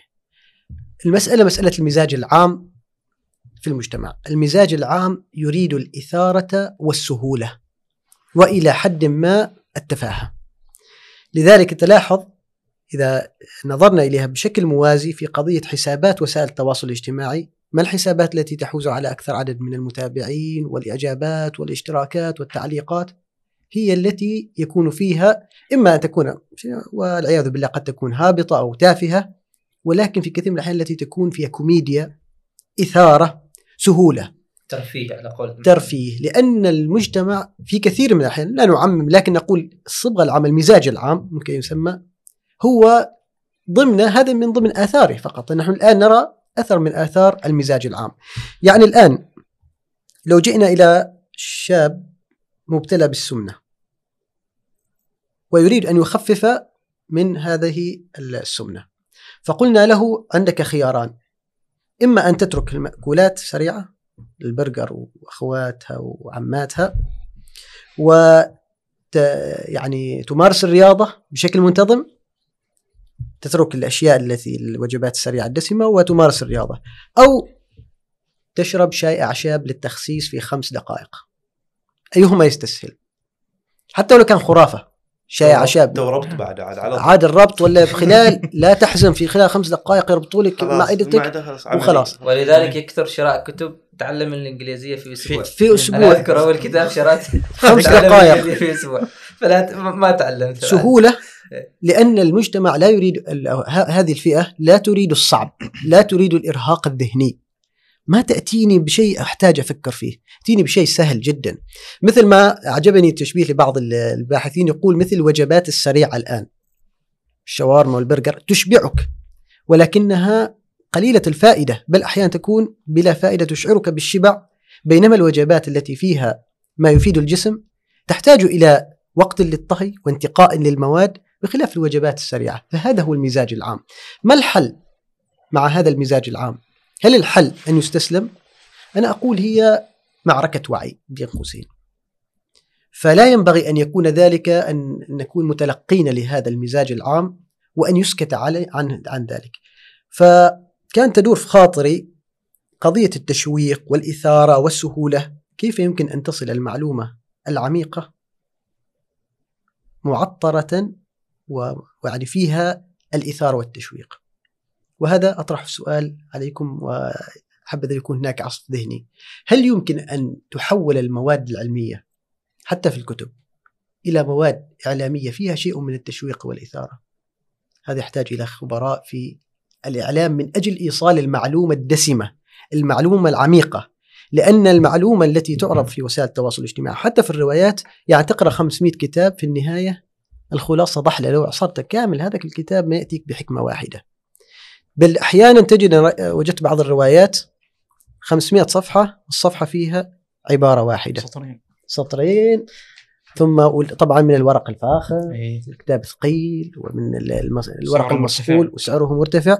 لكنه متهافت شكلا ومضمونا. لكن يمكن الشكل يعني براق لكنه من حيث السبك. فهذا يحتاج إلى في تصوري خبراء لتبسيط خبراء لتبسيط المعرفة ولا بد من دخول الأوجه الإعلامية الخبيرة في قضية تتبع المزاج العام في المجتمع من أجل بث الوعي لأن نحن في معركة وعي ما نتكلم عن المشكلة ثم ننتهي. خلاص كل واحد يرجع بيته. واقتنعنا بأن العالم الآن هو عالم التفاهة. كلا هي معركة وعي ولا بد من تضافر الجهود.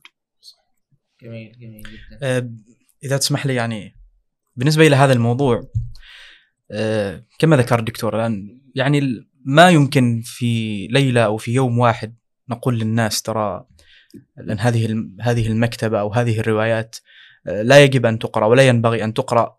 زين توجهوا إلى الكتب العلمية كذا وكذا وكذا. الناس ما يمكن ان أن تتجه إلى هذا الاتجاه.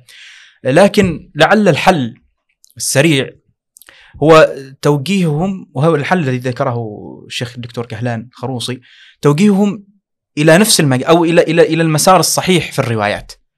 الروايات فيها يعني الغث فيها السمين. فيها المفيد وفيها غير المفيد. والناس ما ما عندها إرشاد أحيانا تدخل المعرض وما عندها قائمة سابقة كتبتها عن الكتب التي تريد أن تقتنيها وتذهب إلى دور النشر هكذا ولعلها يعني آه، تنبهر بال- بالمعروضات من الكتب طبعة فاخرة وعنوان براق وصور وهكذا. ما تركز على مضمون ال- الكتاب أو على عنوان الكتاب أو على حتى على الكاتب. يعني مثلا ولعل هذا ظاهر ظاهرة حميدة الآن إن أحيانا روايات أغاثا كريستي مثلا تجدها تنفذ مباشرة من من المعرض. وهذا شيء طيب. هذا بديل مناسب لمن أراد أن أن يدخل في مجال الروايات مثلا. كذلك آه، روايات دان براون مثلا وهي طبعا كلها روايات بوليسية. هذه على الأقل فيها شيء من الفائدة يعني فيها إعمال للفكر. ما تقرأ شيء فاضي كلام فاضي. أنت قصدك إن هذه. تعود الشاب على القراءة. بالضبط. وهي بديل. يعني نقص الموضوع فقط إرشاد. إذا أنت تريد أن تدخل في الروايات أو تقرأ الروايات ابدأ مثلا بهذه الكتب. اذهب إلى روايات أغاثا كريستي. ابدأ بمثلا رواية دان براون. ابدا بالبؤساء مثلا لفيكتور هوغو مثلا. لا تذهب إلى إلى إلى أي رواية تجدها هكذا أو يعني نصحك بها شخص غير موثوق مثلا. فلعل هذا بديل بديل صحيح. مناسب. ما تقول له مثلا روح اشتري آه، المستصفى. مستصفى ولا شيء. يقول لك والتعليق عن نقطة جميلة جدا هو قضية التوجيه.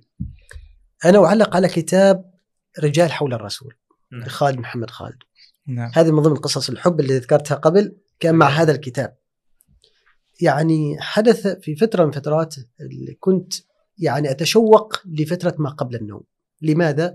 لأني أقرأ لصحابي من هذا الكتاب قبل النوم. أتشوق لهذه اللحظة. لماذا؟ الكتاب لو قرأت سيرة ابن هشام قرأت سير أعلام النبلاء قرأت المعلومات ربما تكون أكثر اتساعا وأكثر دقة وفيها نسبة أقو... نسبة الأقوال ونحو ذلك، لكن هذا الكتاب كتاب رائع جدا يأخذك في رحلة كل يوم مع صحابي. لو وجهت عند الأود طبعا الذين يملكون الحس الأدبي واللغة القوية وجزالة الألفاظ والخيال الواسع، لو وجهت هذه الروايات بحيث تكون تخدم بحيث تخدم سيرة السلف الصالح من الصحابة والتابعين لهم بإحسان. أليس خيارا طالما الأخ العزيز ذكر قضية التوجيه. أليست خيارا حسنا؟ لو وجهت ضيوف عوالم كان الدكتور خالد الكندي نعم. صاحب كتاب آه، القاعد الأبيض. القاعد. نعم. يعني لا يعني ذكر سيرة الشيخ أبي زيد في هذا القالب الجميل. بالضبط. صناعة البديل. صناعة صناعة البديل. صناعة البديل. يعني عبد العزيز طرق مسألة مهمة وهي موضوع تشجيع الشباب على القراءة. فالرواية تعد مدخل لتنمية عادة القراءة عند من لا يقرأ أو عند الشاب قليل الحب للقراءة. فما هي الأساليب التي يستطيع من خلال الشاب أن ينمي نفسه في موضوع القراءة؟ يعني كثير هذا السؤال كثير الطرق. يقول يا أخي يقول لك شوفك تقرأ ساعات. ما ما أستطيع أريد أريد لكني لا أستطيع. كما ذكرت أن نحن في زمن آه، زمن السرعة زمن اعتاد فيه الشاب على الوجبات السريعة. الآن ال- يعني في الإنستغرام Reels في اليوتيوب Shorts يعني ك- 10 ثواني 20 ثانية. فتعود على الوجبات السريعة. هذا جعله يعني يأنف من قراءة ساعات طويلة في كتاب فما الوسائل التي يستطيع من خلالها الشاب أن ينمي نفسه في هذا المجال؟ أنا ذكر عبد العزيز مثلا أنه يعني يطرق الكتب السهل مثل كتب الر- الرواية حتى يعني تكون مع علاقة مع الكتاب. وهكذا يعني قد يفتح له بابا لأن يعني آه، يقرأ الكتب العلمية بعد ذلك. فأريد هذا الأمر من خلال تجاربكم الشخصية. نبدأ مع محمد عن اليمين. ما شاء الله. طيب. حقيقة يعني أشوف أنه يبدأ الطالب أولا من آه، مصاحبة آه، القراء ومصاحبة معارض الكتاب. يروح يزور ذا المعرض. وإن كان هو نفسه يعني ما يقرأ لكن يروح يزور يشوف يشوف آه، جمال كتب. شوف ال- الفكرة هنا أن يكون الدافع للقراءة أقوى من الألم. ألم الملل وألم ال- التعب وألم الإرهاق يكون الدافع أقوى. بحيث يتغلب بهذا الدافع يتغلب على الألم. كيف الدافع؟ يختلف باختلاف الناس. بعضهم يدخل مجتمع قراءة آه، يشوف الناس تقرأ ويكون عادي يتكون هذا الدافع. ليش؟ أنا إيش ينقصني؟ أحيانا سبحان الله تفسير أحيانا التحليل النفسي لكثير من الدوافع طبعا هذه مدرسة التحليل النفسي لفرويد كان طبعا هو كان فرويد يراها من منظور جنسي خط- خطير، اي إيه. نعم الفريد ادلر من تلاميذه يقول لا الدافع من الشعور بالنقص غير عن هذا الفريد ادلر تلميذه وخالف الدافع في قضيه التحليل النفسي فيكون إيش التحليل يكون يكون هذا الدافع وكيف الدافع يشعر بالنقص أحيانا شعور بالنقص يكون هذا الدافع عنده يزور المعارض يشوف الناس كيف مشغولة ب- ب- بالقراءة يشوف ال- الجلسات القراءة هذه. أتذكر في الجامعة كان في جلسات شبيهة بهذه كنت تجلس تناقش كتاب معين تروح هناك وتشوف الناس القارئين وكذا تجلس معهم. الاستماع لناس علماء تتمنى تكون مثله تقول كيف أنا أكون مثله هذا؟ طبعا هناك هذه دوافع مادية في النهاية أنا أقول. الدافع الأكبر لما تدرك حقيقة ما خلقت لأجله. وتدرك العلم إلى أين سيوصلك. زين في في الآخرة هذا من أكبر الدوافع. لما الله سبحانه وتعالى كيف يفضل أهل العلم في القرآن وكيف النبي صلى الله عليه وسلم يذكر فضائل أهل العلم ويذكر آه، درجات أهل العلم يوم القيامة هذا أيضا دافع أيضا آخر. فهي كل عملية لعبة نفسية ترى. كيف قضية- كيف تلعب على نفس تتحايل عليها حتى يكون تنمي هذا الدافع بأساليب مختلفة.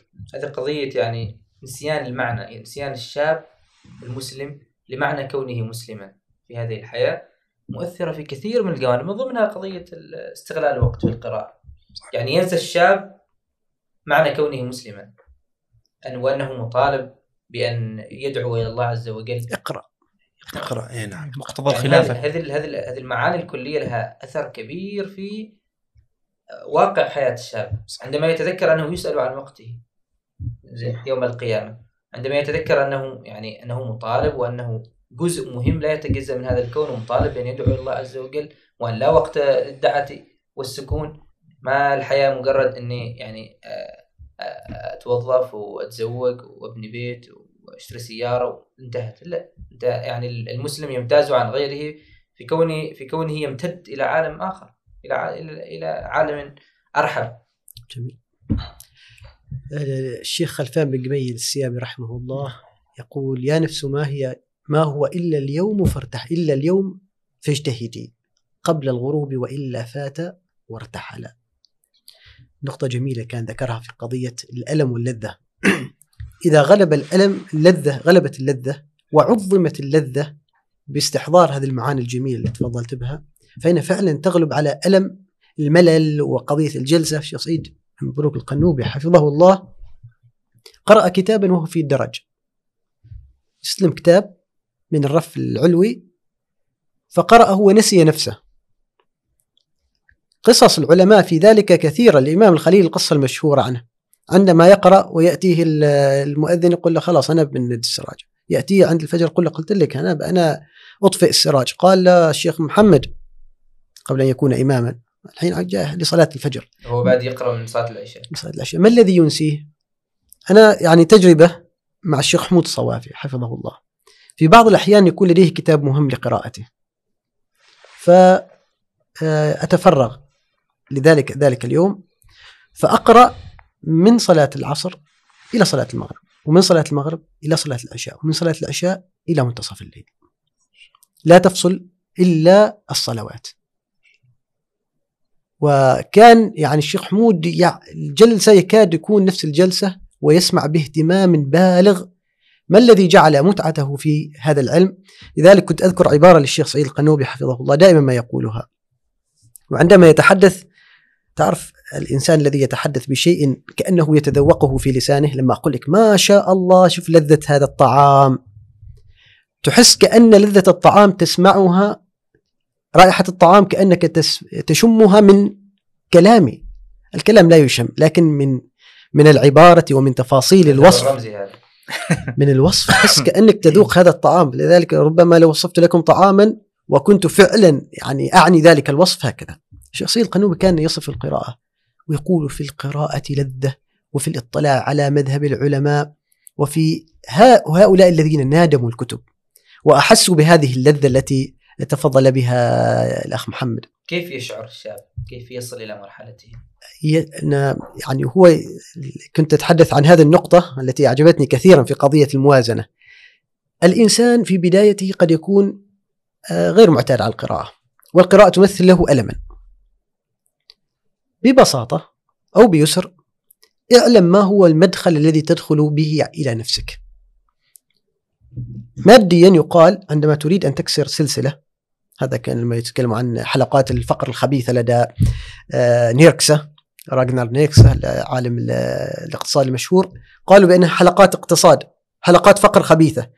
قالوا نكسروا الحلقة الأضعف فيها. لما يكون عندك سلسلة تريد تفكيكها عندك أنت مقيد بسلسلة الكسل مقيد بسلسلة الألم في القراءة. كيف تحطمها هل تختار أقوى حلقة ولا أضعف حلقة؟ منطقيا تبدأ بالأضعف لأنك تفك ارتباط الحلقات الأقوى. فانظر في الحلقة الأضعف التي يمكن أن تدخل من خلالها وتلج إلى نفسك. ما هي؟ بعض الناس ربما الحلقة الأضعف أنه يقرأ مع أشخاص يشجعونه مثل ما تفضلت عند العلماء. إذا صار عند الشيخ حمود إذا صار عند الشيخ فلان إذا صار عند الشيخ فلان يراه في يقرأ العلم يقول أنا في أنا خارج التغطية أصلا. أصلا أنا خارج التغطية هذا يقرأ وهذا يبحث وهذا يتكلم يسمع محاضرة لبعض العلماء مشايخنا في كلية العلوم الشرعية سابقا في أول لقاء يتكلم لك عن عشرين أنا أذكر مرة في مع الشيخ سيد القنوبي في أول لقاء كان يتكلم عن كتب أصول الفقه. يذكر لك قائمة ويسردها ويتكلم عن المؤلفين هذا يشعرك بالغيرة الغيرة المحمودة. تقول إذا أبصرت صحبك في سماء يقول الإمام الألبيري. قد ارتفعوا عليك وقد سفلت فراجعها ودع عنك الهوينة فما بالبطء تدرك ما جهلت. إذا الحلقة الأضعف بالنسبة لك تشجيع الآخرين. أحيانا لا الحلقة الأضعف أنك تتفرغ تقطع العلائق. قطع الهاتف حجز نفسك يوم كامل لأن ما يشغلك عن القراءة هو المشا... المشاغل. فهنا طبب نفسك. وانظر في الحلقة الأضعف التي تشجعك على القراءة ومن أهمها الإخلاص لله سبحانه وتعالى. لأن إذا تأملنا في القراءة فكل حرف يرفع مقامك عند الله سبحانه وتعالى. لذلك بعض الآفات التي تظهر لدى القراء تتلاشى بسبب الإخلاص. ذاك الشيخ أبو مسلم رحمه الله يقول ألحوا على الإخلاص حتى تفجرت. على لسنهم بالحكمتين ينابع. فهذه الشوائب التي يعني تصد عن القراءة وتصد عن العلم يحرقها لهيب الإخلاص. جميل جميل جدا. عبد العزيز تجربتك في حب والله أنا. الآن بعد ما بعد هذا الكلام يعني أش- أخجل أقول زين كيف شاب ينمي نفسه في القراءة؟ يعني نحاول نحاول نذكر الأمر ببساطته، الآن شاب آه، ما يستطيع مثلا يذهب عند المشايخ، شاب جامعي آه، آه، يعني لا يجد بيئة معينة نعم. للقراءة، كيف يستطيع؟ أتوقع أن المدخل لمثل هؤلاء الشباب بالذات الجامعيين خصوصا آه، أن يبدأ بما هو ملزم به. أحيانا تكون الإشكالية في الإلزام، أنت إذا لا يوجد شيء يلزمك بالقراءة أحيانا تتهاون ونفسك تتراخى.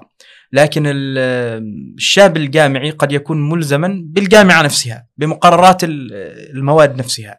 فإذا كان هو طبعا الرغبة الصادقة يلزم أن تكون أو يجب أن تكون موجودة.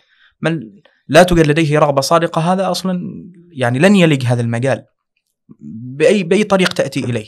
لكن من كانت لديه رغبة صادقة في الحقيقة ويريد أن يعان بشيء فلعله إن بدأ بما هو ملزم به يبدأ يقرأ الكتب التي في تخصصه التي يدرسها في في المادة الفلانية ثم ينتقل إلى المادة الأخرى حتى على الأقل يكتسب هذه الملكة ويكتسب هذه العادة ويجد أنه قد آه، خصص وقتا من يومه معينا للقراءة وبالتالي يكون هو هذا هذا الوقت يصاحبه يعني طوال حياته ولعله يزيد بعد ذلك. لكن المهم أن يبدأ ولعل هذا يعينه يعني. يبدأ بما يعني يلزم به. نعم آه، أنا أنا عندي- احب أن أعلق على زين. نقطة حقيقة كلام نفيس في قضية ما يلزم به. آه، كثير من الطلبة عندما آه، نناقشهم في في مناهجنا نقول لهم ليش ما تقرأوا الكتاب أو يقول لك في أيام الدراسة تميل نفسي إلى غير ما قرر علي. يعني كل العلوم لذيذه ما عدا العلم الذي باكر نعم. اختباره مثلا. خاصة أيام الاختبارات. أيام الاختبارات. تحسه يقرأ كل شيء. مستعد يقرأ حتى ولو ك- كتب ب- بلغة أجنبية إلا الكتاب اللي صحيح. فهذا أيضا من من مداخل الشيطان. لا ألزم نفسك حتى تروض على ذلك. يعني من ضمن الطرق التي ربما أقترحها حتى ينمي الشاب عادة القراءة عند نفسه أولا إحصاء الإنجاز. فيكون في هاتفه أو في غرفته آه، قائمة يحصي نعم. فيها الكتب التي يقرأها كل سنة على سبيل المثال. ثم يقيم نفسه نهاية كل سنة ويخرج متوسط قراءة قراءته في في أيام هذه السنة. هذا يجعله يحاول أن يزيد من معدل القراءة طبعا مع عدم إغفال أهمية نوعية القراءة. الأمر الآخر أن يلزم نفسه بمجموعات قرائية متعددة. آه، قراءة مع زميل مرة في الأسبوع قراءة مع مجموعة شباب مثلا يقرؤون يوم أو يقرؤون مقدار معين. هذه ميزة أمثال هذه القراءات الجماعية أنها تلزمك آه، بالقراءة ولو كنت في آه، أشد حالات الملل. لأنك أنت ملزم أن تقرأ في هذه المجموعة. فعلا صحيح. أيوة. فهذه هذه تجعل لنفسك آه، يعني الحد كان شيء الحد الأدنى الذي لا تتنازل عنه عندما عندما تقرأ. فيعين كتابا يعني حتى ال- ال- الأب مع مع مع أبنائه كتاب يقرؤونه يناسب الجميع. حلقة في البيت مثلا. الرجل مع زوجته كتاب يعني يقرأ يعني يقرآنه سويا. آه، طبعا هنا إضافة أخرى أن يزداد الحب مع مع المعرفة يعني. ال- الأمر الآخر كتاب مع الزميل كتاب مع أستاذ. هذه كلها تنمي ال- عادة القراءة. وأيضا اللي هو ال- البداية بمقروء قليل. يعني عندنا تجربة التي أطلقتها عوالم. تجربة سطور مبادرة سطور. يعني مجموعة من الشباب أول ما دخلوا عندما أطلقناها يعني اشترك أكثر من 400 شاب للقراءة. فكان بعض الشباب يسألون يقولون إحنا ما عندنا. عندنا اختبارات وعندنا أعمال وكذا. فقلنا لهم لا تخافوا مقدار القراءة بين خمس صفحات إلى عشر لا يزيد. وفعلا كان بعد ما أنهوا الكتاب قراءة الكتاب الأول كان يعني مجموعة من ال من ال من الشباب قالوا إن يعني قرأنا الكتاب من غير أن يشكل لنا ضغطا لتقسيمه ولتقليل عدد المقروء. وهذا ينمي في الشاب حب عادة القراءة ليستطيع بعد ذلك أن ينطلق. والجدول الواضح حتى. الجدول واضح. الأمر الآخر الشعور بالإنجاز. الشعور بالإنجاز مهم جدا لتكوين عادة قراءة. يعني لو أن شخصا جمعة والسبت ألزم نفسه أنا أريد أقطع جميع الأشياء وأنهي هذا الكتاب. فإذا أنهى شعر بالإنجاز. وتطلعت نفسه لأن ينهي كتابا آخر. فلعل هذا أيضا من ال- الأسباب المشجعة للقراءة. صحيح. شي تجربة مع قام بها جزاه الله خير الأستاذ أحمد بوسعيدي. أحمد بن إسحاق المساعدي آه، تجربة مسابقة القارئ معنا في في سمد. وفعلا كانت ال- التجربة جميلة جدا. هي مثل مسابقة يعرض كتاب معين ويختبر فيها المشارك في محتوى الكتاب. فهذه أيضا من ضمن الأشياء التي تشجع على خاصة مع ال- الاختيار والانتقال للعناوين أو للكتب المقروءة. مسابقة. أيضا معنا تجربة في في مجلس الجماعة في في البلد. يقرؤون كتابا. كل تقريبا عشر دقائق أو ربع ساعة. وبعدها يجلسون قهوة. هو قهوة مثلا. وفي الغالب تكون يكونون من اقارب أقارب أرحام. فهي صلة رحم وهي جلسة سمر. وهي قهوة وهي قراءة كتاب. جميل. الآن فيما أحسب إذا لم أكن مخطئا تقريبا ثلاثة كتب انهوا ما شاء الله.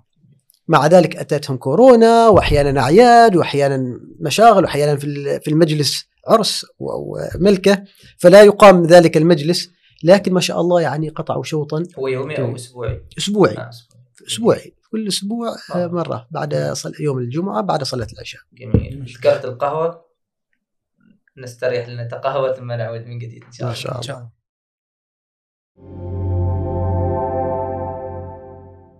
الآن لو أردنا أن ننزل إلى واقع الشاب الجامعي مجموعة من الشباب ليسوا مختصين في الجانب الشرعي. آه عندهم يعني اختصاصات متعددة قد يكونوا طبيبا قد يكونوا مهندسا قد يكونوا في أي مجال من المجالات. فأن نلزمه بموضوع التدرج في العلم وعليك أن تتسلسل وأن تقرأ على شيخ وكذا. هذا أمر يعني ليس واقعيا بالنسبة له وهو ليس مختصا في هذا الجانب. فهل تكوين ثقافة عامة في جانب الشريعة الإسلامية مهم لغير المختص؟ مثل أي شاب جامعي؟ رأيكم؟ عبد العزيز؟ قدم دكتور. تفضل تفضل أنت القاضي الفتوى تغلب القضاء يغلب الفتوى. آه، الثقافة الشرعية الحد الأدنى طبعا لابد منه اللي هو ما يعلم من الدين بالضرورة يعني ما ما ما يطالب بطبيعة الحال. نحن لا يتصور أصلا أن يكون المجتمع كله فقهاء وأن يكون كلهم مفسرون أو أصوليون. آه، لكن الحد الأدنى الحد الذي يستطيع أن آه، يعبد الله سبحانه وتعالى به عبادة صحيحة هذا أمر لا بد منه يعني. أمر ليس نافلة وإنما هو فريضة عليه. آه، وبالتالي آه، الحاجة ضرورية كما ذكرت. السؤال لكن قصدك هل هل في كتب أو شيء يعني؟ يعني يعني حتى أبسط الموضوع. الآن شاب يقول أنا أنا مهندس مثلا. آه، اسمح لي. محمد. زين أنت مهندس. أو مثلا يقول أنا طبيب. زين. ف وأعرف أصلي. والحمد لله أموري طيبة. زين. فماشي داعي إني أقرأ مثلا في التاريخ الإسلامي في تاريخ عمان إذا كان عمانيا في في السيرة النبوية في مثلا أساسيات العقيدة في الفقه زين في الجانب الفكري في كتب كثيرة. يعني يعني ما أقرأ. ليش أقرأ؟ يعني أكتفي لأن ثقافة عامة إذا أكتفي بالسماع مثلا. آه، السماع يعني ما أتوقع أن في إشكالية في السماع نفسه. إذا كان هو يسمع مثلا إلى محاضرات يسمع إلى آه، كتاب آه، مسموع في هذه المجالات يعني ما أتوقع أن الموضوع هنا فيه إشكال. لكن من حيث كونه آه، مطالبا بهذه المعرفة هو مطالب بطبيعة الحال يعني. هذا التكوين المثقف بين قوسين. وهنا لعلي أستحضر المبادرة التي تقوم بها جامعة صن قابوس. يعني في كثير من الأحيان يقومون ب آه، تظاهر أو بتجمع لقراءة كتاب في الفقه لقراءة كتاب في التاريخ. ما الهدف منه؟ آه، آه، الطلاب المتخصصون في في الفقه نفسه أو في أو في التاريخ مثلا أو في أي مجال من هذه المجالات التي ذكرتها. لكن القصد تكوين ثقافة عامة لأمثال هؤلاء الطلاب. وهذا يشجع في في الوقت ذاته إنه لا يقرأ هو منفردا يعني يقرأ مع جماعة. مع جماعة. نعم نعم. ولعل شخصا آخر يكون متخصصا يحضر هذا الجانب ويبسط بعض هذه الأمور يبسط بعض المسائل التي تطرح فهذا جيد ومشجع حقيقة دكتور خاصة في رأي؟ الأوساط ال- في الأوساط الجامعية يعني يعني في الحقيقة لو استنصحني طالب في كلية الطب مثلا ماذا أقرأ؟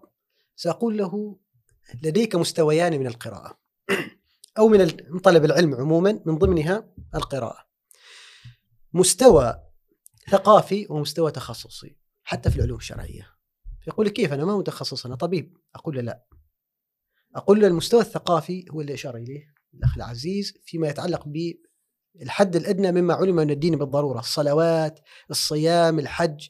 ليس معفيا يقول أنا ما تخصصي ما يعرف يتوضأ. يقول ما تخصصي علوم شرعية. فهذا حد لا بد منه. إضافة إلى بعض الأشياء التي لا يليق بالمؤمن أن يجهلها كبعض الغزوات أو بعض ما يتعلق بالسيرة عن النبي صلى الله عليه وآله وسلم. لكن هذا على الحد الثقافي أو المستوى بين قوسين المبسط أو السطحي. أما المستوى الثاني وهو مهم جدا وأنا حقيقة أوجه ندائي للطلبة والطالبات في التخصصات التي تسمى غير شرعية. طبعا غير شرعية مقصود غير فقهية وإلا فكله ضمن العلم. مستوى التخصص.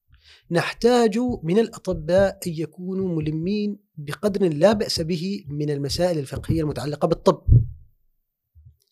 نحتاج من المهندسين ومن من صناع القرار من الإداريين من الصيرفيين أن يكونوا ملمين ببعض المبادئ في فقه المعاملات والاقتصاد الإسلامي. لا يعفى من ذلك. يعني طالب يدرس الطب في الإجازة, في الإجازة التي طبعا غالبا ماشي إجازة صيفية لكن في أيام الإجازات لماذا لا يقرأ كتبا في الطب؟ أو في المسائل الطبية في الفتاوى الطبية في القضايا لماذا؟ لأنه لابد من تكامل العلوم هنا. نحن في مكتب الإفتاء في بعض الأحيان نعجز عن تصور بعض المسائل بسبب حاجتنا إلى كلام الطبيب أو إلى كلام المهندس أو إلى كلام الاقتصادي أو إلى كلام الصيرفي. لذلك العبارة التي مشهورة عن سماحة الشيخ "وال- والفقه لا يقول كلمته حتى يقول الطب كلمته. فلا يعفى من ذلك. إضافة إلى ذلك إلى أن هذا يعني من صميم تخصصه. أولا من ناحية ديانية ثانيا من ناحية عملية. لأن هذا الطبيب مسلم. سيأتيه مرضى مسلمون يستشيرونه. هل هذا يفطر الصائم أو لا يفطر الصائم؟ هل يجوز إجراء هذه العملية؟ هل للضرورة أو للحاجة متى يجوز إجهاض الجنين؟ متى يجوز إسقاط الجنين؟ هذه مسائل فقهية ينبغي أن يحيط ب أو ما أقول يكون متخصصا بشكل عميق جدا ولكن على الأقل يكون آه، بين قوسين عنده شيء من الإلمام بذلك سواء الطبيب أو المهندس أو غيرهم. هذا ليكن في الأوقات التي تكون فيها فراغ في للقراءة وليخصص وقتا لها. جميل. محمد أنت مهندس وأيضا قارئ. نهم في الجانب الفكري. الله المستعان. كيف الجامعات؟ حقيقة أعرف شخص كنت في أيام الجامعة. هو معروف يعني زين في في الجانب الدعوي والعلمي الآن. كان هندسة ميكانيكية دارس. كان إلى إلى التاسعة مساء هو في الدراسة الجامعية. بعد التاسعة ينكب على العلوم الأخرى الشرعية ما شاء الله. والفكرية. تيرقد نعم هذا عاد يسأل هو. بخبرك اسمه بعد الحلقة. زين. زين. كان هو هكذا. فممكن نعم ممكن لكن تحتاج إلى حزم عزم. سؤال الله سبحانه وتعالى البركة في الوقت واجتهاد. زين. فنقول للطالب الجامعي المهندس الطبيب أنت لست في قوقعتك الهندسية. صح أنت الآن في الجامعة محاط بتلك القوقعة لكن العالم واسع. ولا بد أن توسع مداركك. بالأمور الفكرية أنت ستكبر س يكون عندك عائلة ستعافس الدنيا ستعرف لابد يكون عندك زاد ما بس تواجه الدنيا بالهندسة. واجه بالأمور الفكرية بالأمور الشرعية أيضا ست- ستواجه مسائل أنت في حياتك كما أشار آه، الشيخ علي إن الطبيب سيواجه مسائل شرعية، المهندس سيواجه مسائل شرعية، وفوق أن الشريعة أصلا تهذب. تهذب الطبيب، تهذب المهندس، يكون عنده إخلاص آه، في في التعامل. أنا كنت أقول حتى لبعض الطلبة هم يقولوا هذا طلبة مدارس يقولوا لي ليش نحتاج ندرس هذا مبتدأ أو خبر؟ يقول أنا أريد أكون مهندس. قلت له أنت في اجتماع في مجال الهندسة وخاصه نحن في بيئة أو في في مجتمع اللغة الرسمية الحكومية اللغة العربية في اجتماع واحد ممكن تقلب انت معادلة الاجتماع بالشذب والجذب هذه لصالحك ببيت شعر واحد ممكن. قلت لهم قلت لهم إذا تتعلم لغة عربية يكون كلامك غير في الاجتماع في الهندسة. حضورك مختلف ثقافتك الواسعة حتى تفيدك في مجال الهندسة كيفية التعامل مع الناس آه، كيفية تطبيق شرع الله سبحانه وتعالى في العمل. يكون لك حضور مختلف عن الذي ليس عنده شيء من هذا. فحتى المهندس يا مهندس تعلمك العلم الشرعي والآداب الشرعية يكون حضورك أنت مختلف مع الناس. حتى ف- لو قرأ كتب الأدب يعني يعني كتب الأدب تكسبك. مهارة. مهارة وتختصر لك سنين من التجربة. لأن بالضبط. كتب مليئة بالحكمة. بالحكم بالضبط. والمحاججة. مثلا يعني نحن أنا الآن مهندس مشاريع. غالب هندسة المشاريع شد حبل. أنت مع ال- هذا كيف أنت تثبت حجتك؟ وكيف أنت آه، تدفع حجة الخصم عليك؟ هكذا. في هندسة المشاريع نعم تدافع عن الشركة وتثبت إنها مس- اللي سوت شيء صح.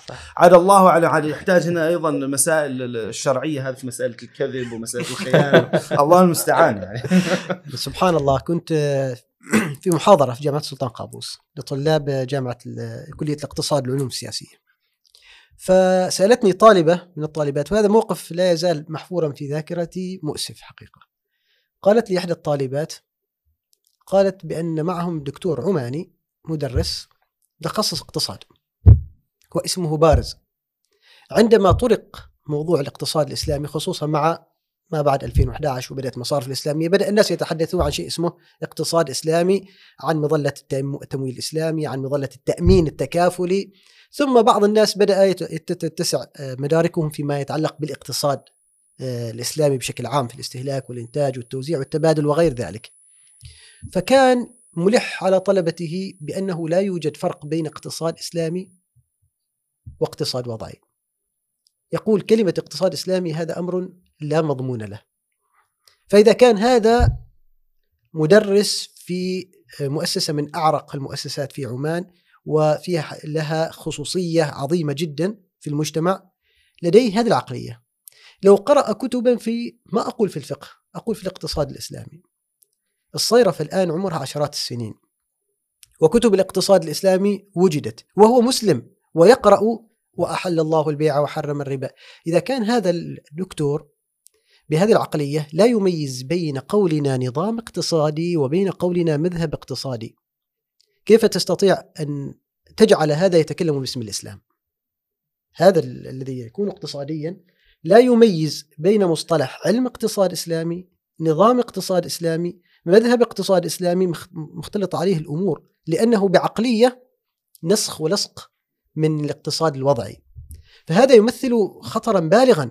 حتى الطبيب لما يأتي الطبيب وليس لديه معه حلال أو حرام عنده قرارات عند يعني غذي بعقلية رأسمالية أو بعقلية بعيدة عن الدين بعيدة عن الأخلاق الإسلامية. ثم يأتي يعالج الناس. كنت أقول لبعض الطالبات في تخصص الطب كنت ندرس بعض الأحيان دبلوم فبعضهم طبيبات. لهم لماذا لا تستشعر الطبيبة أنها تقدم علاجين بيديها؟ عندما تتشرب لما ذكرتم قضية القراءة وتهذب الطبيب وتهذب المهندس لماذا لا يستشعر الطبيب بأنه عندما يعالج المريض يعالجه بيدين؟ اليد الأولى يعطيه العلاج أو الدواء المادي الذي فتح الله عليه للب... به للبشر. بنادول أو شيء من هذا ال- العلاجات هذه العلاجات. شراب باليد اليمنى بيد ثم باليد الأخرى يعطيه العلاج الإيماني المعنوي. حتى في في العلوم الطبية يقول لك بأن الجانب النفسي له دور. فكيف إذا كان مضمخا معطرا بالإيمان؟ فهذا يعني قراءة الطبيب وقراءة المهندس فعلا تعطي تخصصه روحا هي الروح المطلوبة للمسلم. هذا الهجران ل إن صح التعبير. للكتب المتعلقة بالجانب الديني آه، بمختلف تخصصاتها. ما رأيكم يعني ما الخلل في ذلك؟ ما الخلل الذي أدى إلى آه، نقص قراءة الكتب الدينية وذيوع صيت الكتب ال- الأخرى؟ هل هناك نقص في التسويق؟ نقص في كما ذكرت آه، دكتور في موضوع تبسيط المعرفة؟ ما الخلل؟ محمد. حقيقة نرجع لنفس ما ذكرنا في قضية الروايات. أشوف نفس المن يعني نفس القضية هذه تتكرر الآن. حضور الدين في حياة الناس قل. حضور الدين. قيمة الدين في حياة الناس. الناس مشغولة بالمعاش. بمعاشهم بدنياهم. الناس مشغولة. فهي غير يعني ما يعني مثل ما تقول ما فاضية تجلس تشوف ما بعد الدنيا. كأنه الآن حياتنا هذه. يقال إن هي إلا حياتنا الدنيا نموت ونحيا. وكأن الناس تعيش بهذه بهذا المنطق. فلذلك ال- ال- الدين حضوره إذا قل حضور الديني فبطبيعة الحال المعرفة الرغبة في التعلم العلوم الدينية ستقل أيضا. يعني باختصار أجيب عن هذا السؤال. جميل يعلمون ظاهرا من الحياة الدنيا وهم عن الآخرة هم غافلون. سبحان هذا الذي يشغل الناس بأن يتعلموا مثل ما تفضل أخونا العزيز بظاهر المادة. طيب ما الحل؟ عندما نسأل عن السبب مباشرة نبحث عن الحل. أنا في تصوري مثل ما قلت سابقا هي معركة وعي مجتمعي. لا يشترك ليست مهمتها يعني ليست مركزة على على المؤلفين. بعض الناس يقول لك كتب ت- تؤلف بطريقة تقليدية.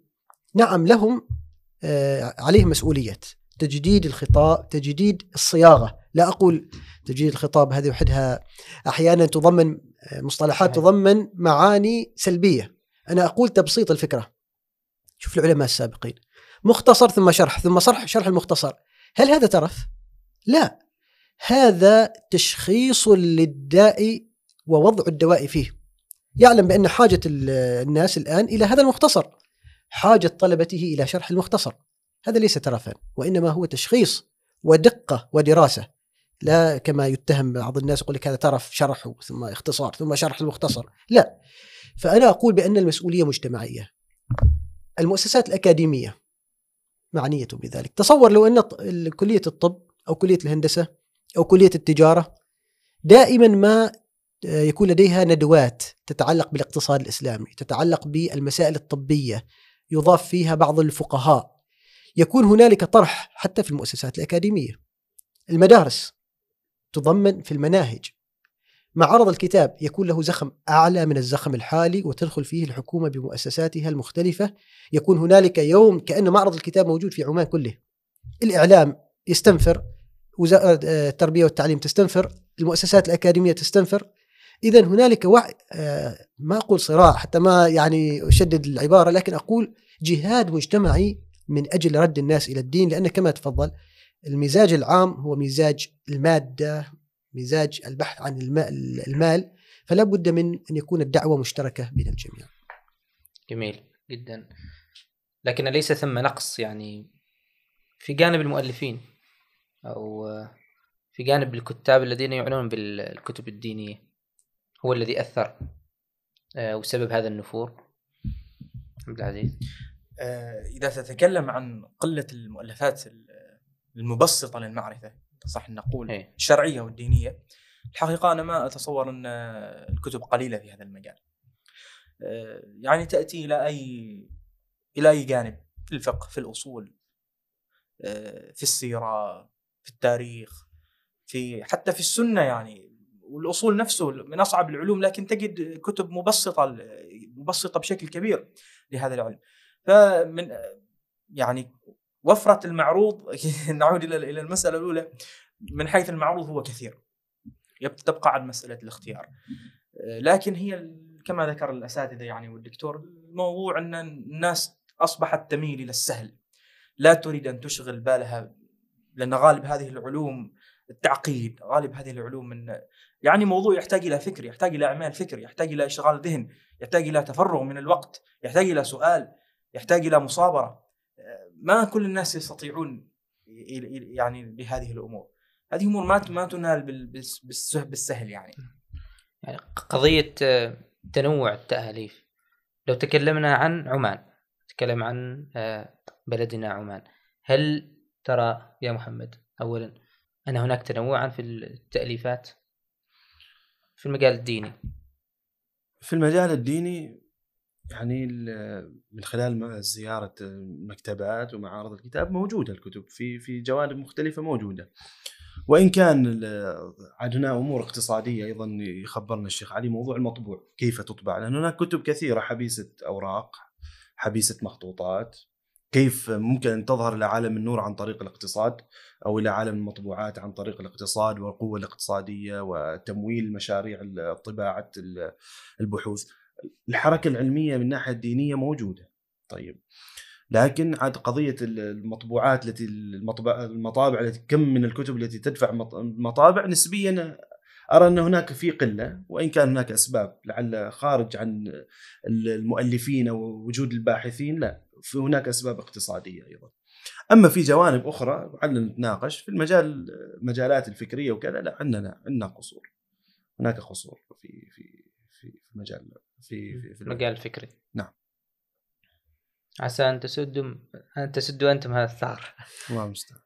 دكتور أنا اوافقه في مسألة المعروض لأن إذا أردنا أن نحكم نحكم على في واقع في واقعنا اليوم يعني ما ما نحسب على قبل عشر سنوات إذا قارنا باليوم في هذا اليوم في هذه السنة مقارنة بما قبل 20 سنة أو 15 سنة فعلا هناك تنوع كبير جدا في الفقه تجد المختصرات وتجد الطباعة. نعم هنالك تحدي كما تفضل في قضية المبل القيمة التكاليف. مثلا أو التكاليف أو التسويق. هذا تحدي وكما قلنا له حسابات وموازنات خارجه عن إطار المؤلف في كثير من الأحيان.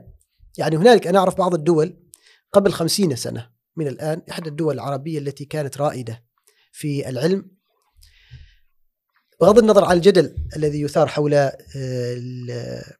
النظام السياسي الذي كان يحكمها لكن من حيث العلم يخبرني آه، أستاذي في الماجستير الذي كان يدرسني التنمية الاقتصادية أن هذه الدولة كانت تضمن لكل مؤلف بمجرد ما يؤلف كتابا تراه لجنة علمية بأنه قابل للنشر يطبع على حساب الدولة ويعطى دعما وبأجود الطبعات.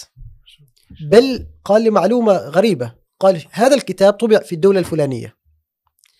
إذا وجدت طباعة من الست في في في أيام الستين أو السبعين ووجدت طبعة في عام 2000 اشتري الطبعة القديمة.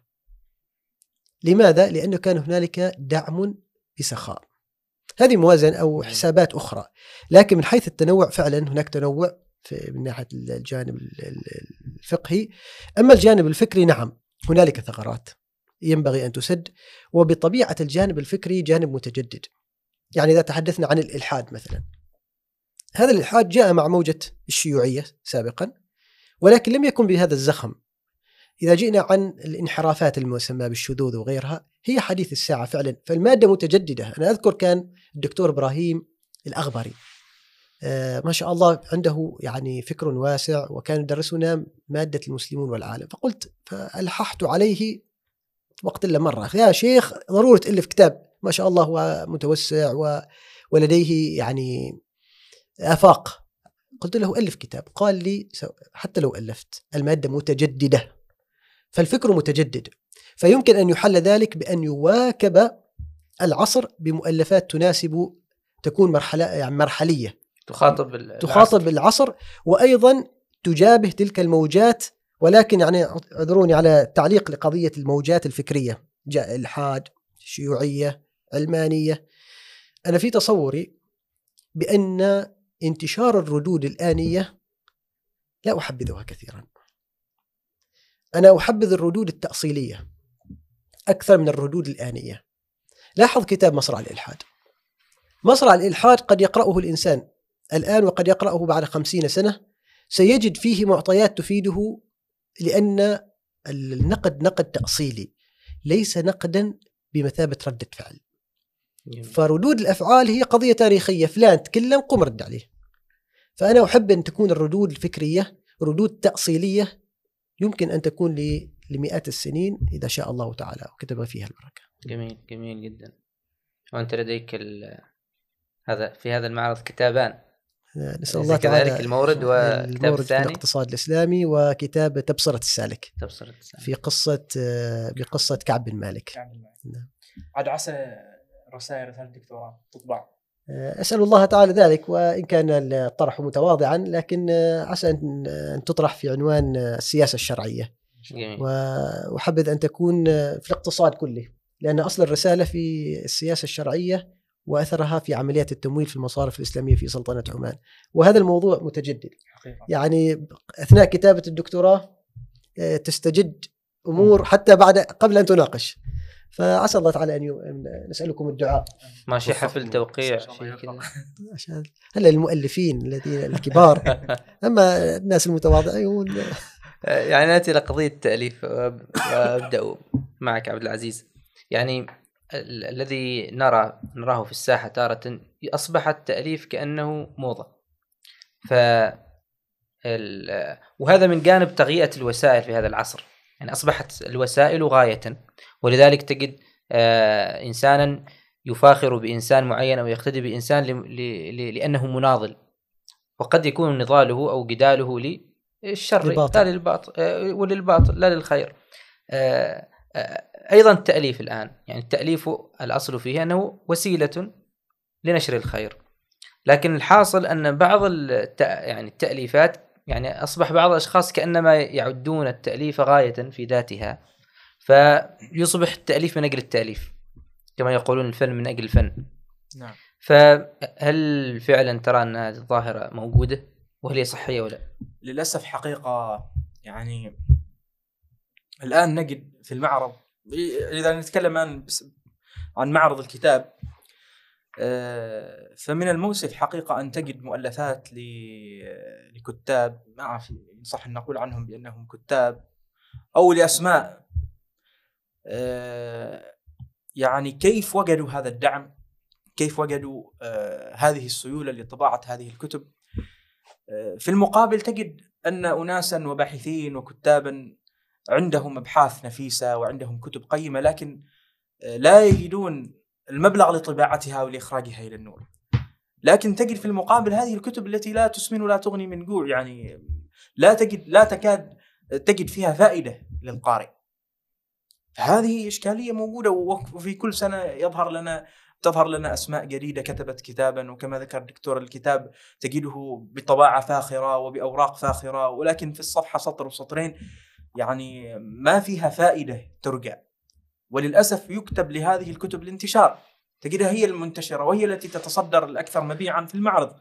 في مقابل الكتب الأخرى القيمة لا لا لا, لا تكون هي المتصدرة. يعني أنا بنفسي ذهبت إلى إحدى المكتبات. هنا معنا في عمان. كنت أبحث عن رواية البؤساء لفيكتور هوغو وسمعت إنها موجودة معهم. ف استغربت من السعر يعني مع إنها طبعه جيدة وممتازة وتعرفوا الكتاب شوية ضخم. كان سعر الكتاب 4 ريالات. فلما ذهبت إلى المحاسب وجدت عرضوا الكتب الأكثر مبيعا معهم في المكتبة ومن ضمنها كتاب لمؤلف خليجي ظهر أول كتاب له. لكن كله يعني أنا أعرفه الكتاب وبنفسي تصفحته ما فيه فائدة وطباعته فاخرة. يعني تقريبا ضع سعره ضعف سعر هذا الكتاب الرواية هذه. عجيب فقال لي هذا من الكتب الأكثر مبيعا. ونفدت النسخ ولن ننتظر نس- نسخ جديدة يعني ستأتي. فهذه هذه الإشكالية الآن. ونعود إلى النقطة التي سبق طرحها اللي هي التوجيه. هؤلاء الشباب أحيانا قد يكون مغرر بهم. يعني هم بحاجة إلى توجيه بحاجة إلى نصح بحاجة إلى إرشاد. ما الذي يقرؤونه؟ وما الذي يبدأون به في القراءة؟ هو يعني. ليس ثم ثم يعني هذا يعني يجرنا إلى موضوع أنه يعني آه، قد يكون هناك تقصير في جانب التسويق للكتب يعني أمثال هذه الكتب التي يعني تقول آه، يعني واضح أن ليست ذات فائدة كبيرة لكن آه، لها تسويق ولها يعني ترويج فلماذا لا يكون الكتب الدينية أيضا مثل هذا الأمر من صحيح. من التسويق والجلسات النقاشية وحضور حضور المؤلفين في في هذه التظاهرة الثقافية؟ مشكلة الوعي مثل ما قال الشيخ علي نفسها يعني أنا عندنا مواقع التواصل وعندنا الواقع وش يخبر الواقع يقول لك أنه أصغر لاعب كرة محترف يحصل مبالغ ما يحصلها أكبر فيلسوف. الآن بيلعب له مباراة وإذا سجل هدف احترافي شوية زين شلوه الأندية الكبرى وخلاص. و... وخلاص حياته كلها ما يحتاج يعمل ولا يسوي يطلع في دعاية في دقيقة كذا ويدفع له مئات الآلاف تدفع له مئات الآلاف. فنفس القضية. الآن شخص آه، محتوى تافه لكن ترفيهي يرفه الناس. يخاطب العاطفة. إقبال عليه أكثر. أنت شوف ال- المتابعين في في مواقع التواصل. شوف لاعب كرة وشوف فيلسوف زين. فيلسوف محترم عالم كبير. هذاك بالملايين إذا سوى نقطة في تويتر نقطة شوف العدد ال- إعادة التغريد والإعجابات والردود. كانه قال الحكمة أكبر حكمة في العالم وأقوى حكمة. شوف الفيلسوف اللي يكتب لك كتب أو تغريدة محترمة شوف ما حد ما حد يفهمها أصلا. قليل تحصل اللي يفهمها يفهم التغريد. فالوعي ما زلنا العالم الجالس يسته يأكل أدمغتنا. العالم يأكل المادية تأكل أدمغتنا وتأكل أذواقنا تفسد أذواقنا. توجهنا إلى ال- إلى الأرض بدل أن ترفعنا إلى السماء. فهذا هذا يعني ال- يعني هذا من الأفكار النموذجية على قولة آه، عبد الوهاب المسيري. نعيش في نموذج نموذج الماديه ف- نحن نمشي في ذلك القالب. يتأثر قالب الإنسان بحيث لا يشعر. وضع لنا. بل أنا أتصور على ذكر القضية ال- الأمزجة وقضية التأثير. أنا في تصوري بأن ذوق المستهلك إذا جينا إلى التجارة مثلا ذوق المستهلك أصبح الآن يصنع في أروقة الموضة. ليس هو نتاج الذائقة أو نتاج الحاجة. الحاجة الشخصية كما يقول دكتورنا الدكتور عبد الجبار السبهاني يقنعونك بعدم التشبع في السلع. يقنعونك بأنك أنت محتاج إلى نمط معين وذلك ضمن استراتيجية معينة. لذلك لاحظ الآيفون. عنده آخر آه، طراز للآيفون لكن إذا نزل الطراز الذي بعده يصطف الناس في طوابير. بل الأسوأ من ذلك أنهم يتحكمون في الذائقة السوية. الآن إذا جئنا إلى الملابس المقطعة الممزقة موضة. ال- الملابس المتسخة بالطين موضة. هنالك نعال أجلكم الله تباع ملطخة بالطين وتباع بقرابة 400 ريال عماني. عجيب. نعم. فهذا يدخل يعني يدل على مرحلة الإسفاف التي وصلت إليه ال- المجتمعات خصوصا مع غياب هذا ومع قوة البروباغندا. البروباغندا. نعود للبروباغندا في الحلقة. أذكر خبر مر علي من أمس آه، البارحة أو قبل البارحة إنه في آيفون أول آيفون نزل سنة 2007 التي اشترته وضعته في في العلبة نفسها باعته الفترة الماضية. من 2007 باعته ب 100 ضعف السعر الذي اشترته. به يعني حتى يعني ما الآن ما نتكلم عن الجودة الآن لا مجرد ما أعرف إيش إيش كيف مستوى التفاهة اللي ممكن أحلل هذه ال- عاد جانب اقتصادي يعني. اي نعم. إنه كيف تحفة صار يعني تحفة فنية تحفة توجيه الاستهلاك هو الطلب الطلب كلما طلب الشيء غلا سعره ولو كان تافها. وهذا الإشكال الإشكال أنه لا يساق الناس بعقولهم. ولذلك إذا سمحت لي في الاستطراد أنا يعجبني أن أدخل شوية راحتك. أطلع على الموضوع. آه، ريتشارد ثالر آه، محاضر في جامعة آه، شيكاغو. في عام 2017 حاز على جائزة نوبل في الاقتصاد بنظرية. النظرية هذه طبعا قد يطول شرحها تتعلق بما يسمى بالاقتصاد السلوكي وهي تقول بأن هنالك عدم عقلانية لدى المستهلك. أحيانا نفس نفس المبلغ المالي الإنسان ينظر إليه بنظرات مختلفة. فضرب على ذلك أمثلة عديدة. يقول أنت الآن مثلا آه، ذهب الصيف وجاء الشتاء. فاكتشفت أن في ثو في المعطف البرد خمسين ريال. ناسنها من الصيف الماضي من الشتاء الماضي. نفسيا تعامل 50 ريال على أنها أرخص من ال 50 ريال التي هي أصلا في جيبك أو في حسابك. يا ولد الحلال تراها 50 ريال نفسها التي في معطفك اللي ناسنها من السنة الماضية نفسها اللي في حسابك، لا يشوف هذيك أغلى وأقوى، لماذا؟ هنالك حاجة نفسية موجودة في الإنسان يعني فيها عدم عقلانية في إدارة المال. ولذلك أمثلة كثيرة جدا. فهذه قضية عدم العقلانية في إدارة القرار الاستهلاكي والقرار الإنتاجي لماذا أنا يتحكم بذوقي في أروقة في باريس مثلا.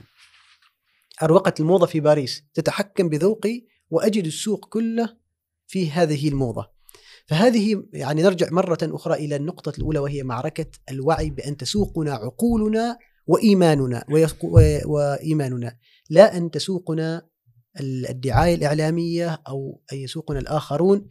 ولو كان هذه العبارة وإن كان يعني ما أقول قطيع لكن أقول ولو كان الناس ينساقون انسياقا إلى ذلك. فكما قال السلف لا تستوحش الطريق لقلة السالكين. جميل. إيه، هذه الكتب التي بعضها وصفت بالتفاهة وبعضها فيها أفكار آه، قد تكون منافية للتعاليم الدين. دائما ما يثور هذا اللغط. هل ال- الأولى منعها كليا؟ وعدم الاطلاع عليها مطلقا أو لا أن الشخص مطلوب أن يقرأ لجميع الأفكار آه، فقد يجد حكمة ضالة عنه.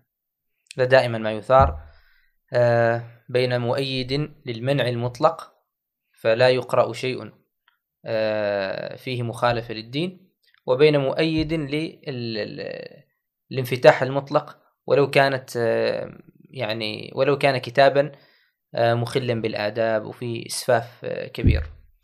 فما رأيكم بهذا الموضوع الشائك؟ الشائق يعني منع. النشر آه، أو. أو أيوه. قراءة منع القراءة؟ منع الطباعة؟ م- من من الجانبين. نعم. نحن لو. تكلمنا عن نحن لا لا, لا نملك المنع. نتكلم عن منع القراءة الآن. يعني مثلا نقول إنه ما يدخل معرض الكتاب مثلا. كتاب معين. مثلا أيوه. أو نقول بأن نحذر الناس منه. نقول بأن لا تقرأ الكتاب. هذه وصايا يا شيخ. هذا وصايا دينيه. أدلجة أدلجة أنا أذكر لما جاء ساجيورو هذا. إيه. فكانوا يقولون هو في فضاء حري في فضاء حر ويتكلم خارج عمان. لماذا أنتم خائفون على دينكم؟ اسمح لي أبدأ في الموضوع يعني. هي تفكر. ليست القضية قضية أنه حر في مكان ما أو أن أفكاره موجودة على اليوتيوب أو أفكاره موجودة في الكتب ممكن أنزلها من, من النت. القضية هل من اللائق أن أقدم له منبري الاعلامي كي ينفث فكره بين أبنائي وبناتي؟ لماذا أفتح له المجال وأقدم له المنبر الاعلامي أقول له تفضل وقل فكرك لأنك أنت مسموح لك في اقاصي الدنيا تتكلم بذلك فأنا أقدم لك منصة. لماذا أجعل من أجعله من آه، يستخدم منصتي الإعلامية أو منصتي الفكرية؟ لماذا أسمح له؟ يعني أقول له تعال بيتي. وأنا في بيتي يعني يسب ديني مثلا أو يتهجم على ثقافتي. دعك من الحرية ما نتكلم الآن عن قضية ال- يعني إسلام أو غير لكن هذه حريتي. بلدة مسلمة لديها ثقافتها لماذا تجعل منصاتها الإعلامية أو أرضها الطاهرة بيئة خصبة أو فرصة لنفذ هذه السموم؟ لذلك أنا في تصوري والله أعلم بأننا نميز بين ما يسمى بالموضوعي بالحيادية وبين المهنية. هذا مصطلح يعني حتى إعلامي ينبغي أن يميز لأن كثير من الناس يقول لك حرية. يكون على مسافة واحدة أمسك العصا من الوسط. افسح المجال للطريق. أنا لا أتكلم عن انطباعات شخصية. أفرق بين الانطباعات الشخصية وبين الهداية الربانية. أنا لدي فكر. لست هنا من أجل أن أفتح المجال لكل أحد. أنا لدي فكر ولدي رسالة ولدي ثقافة ولدي حضارة. فمن من واجبي أن أجعل حضارتي وديني وثقافتي لا تمس في داري. فإذا جئنا إلى قضية المنع كونه قد يفتح مجال بعض الناس هذا مغالطات المنطقية. أول ما تتكلم عن هذا الموضوع يقول لك لا وصاية آه، هذه حرية وهل تخشى على دينك؟ طيب أدخله على أبنائك. ودعه يبث سمومه بدعوى أني لا أخاف على دين أبنائي. لا هو لديه حريته طبعا. كل يقول يقول ما شاء لكن حماية أذود عنه. ولا أفتح له منصات الإعلامية كي يبث سمومه فيها فهناك فرق واضح جدا بين الأمرين شيخ علي بعد قضيه هنا قضية مركزية الدنيا ومركزية الآخرة.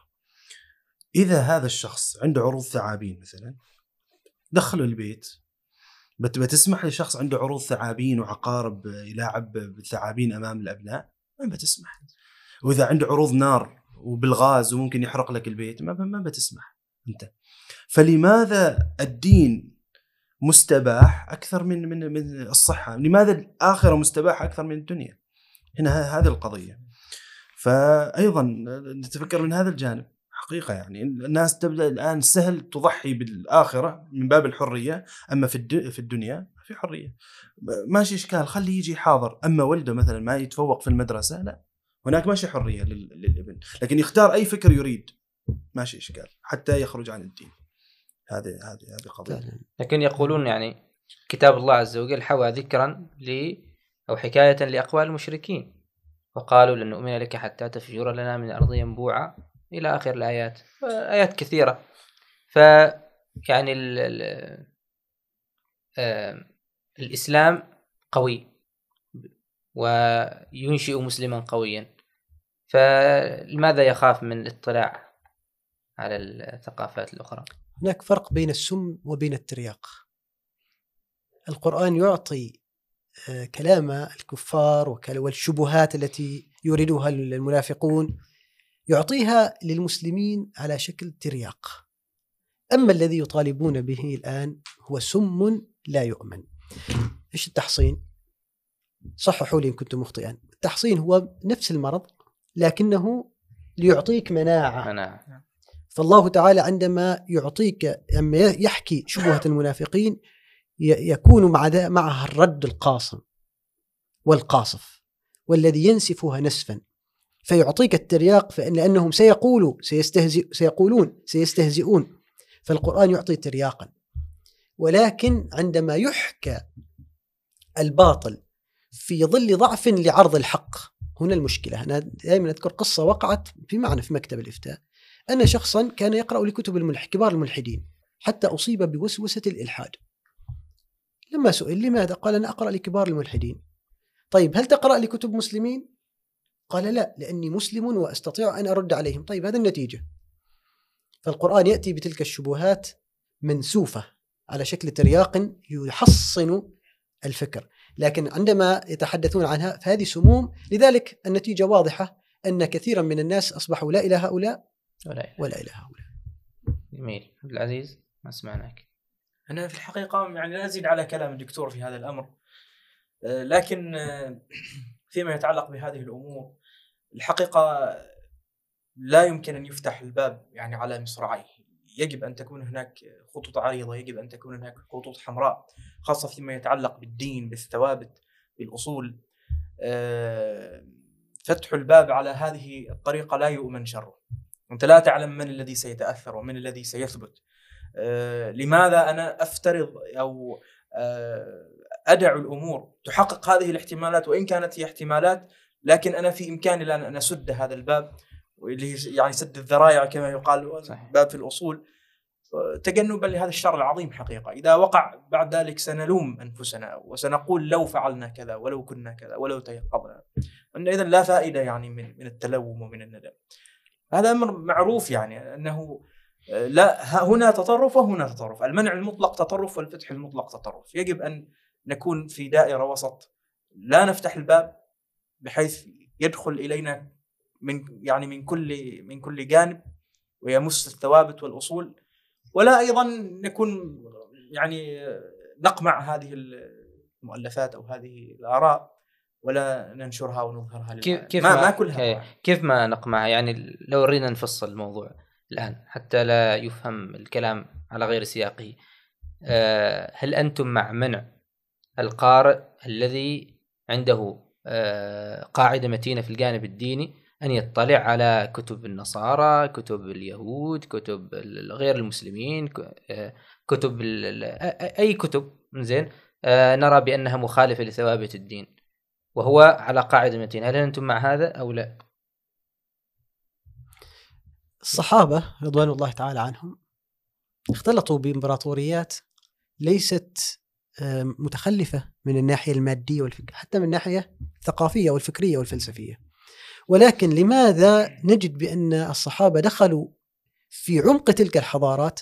إذا تكلمنا عن الحضارة الفارسية والحضارة الرومانية فأضفوا على تلك المادة روحا وأضفوا على ذلك الاقتصاد وذلك العمران أخلاقا. ما السبب في ذلك؟ لأنهم قد أسسوا تأسيسا قويا على يد النبي صلى الله عليه وآله وسلم. المفارقة الآن نحن كنا نتحدث الآن عن ضعف الثقافة ونتكلم عن التفاهة ونتكلم عن ضحالة التفكير لدى كثير من الشباب.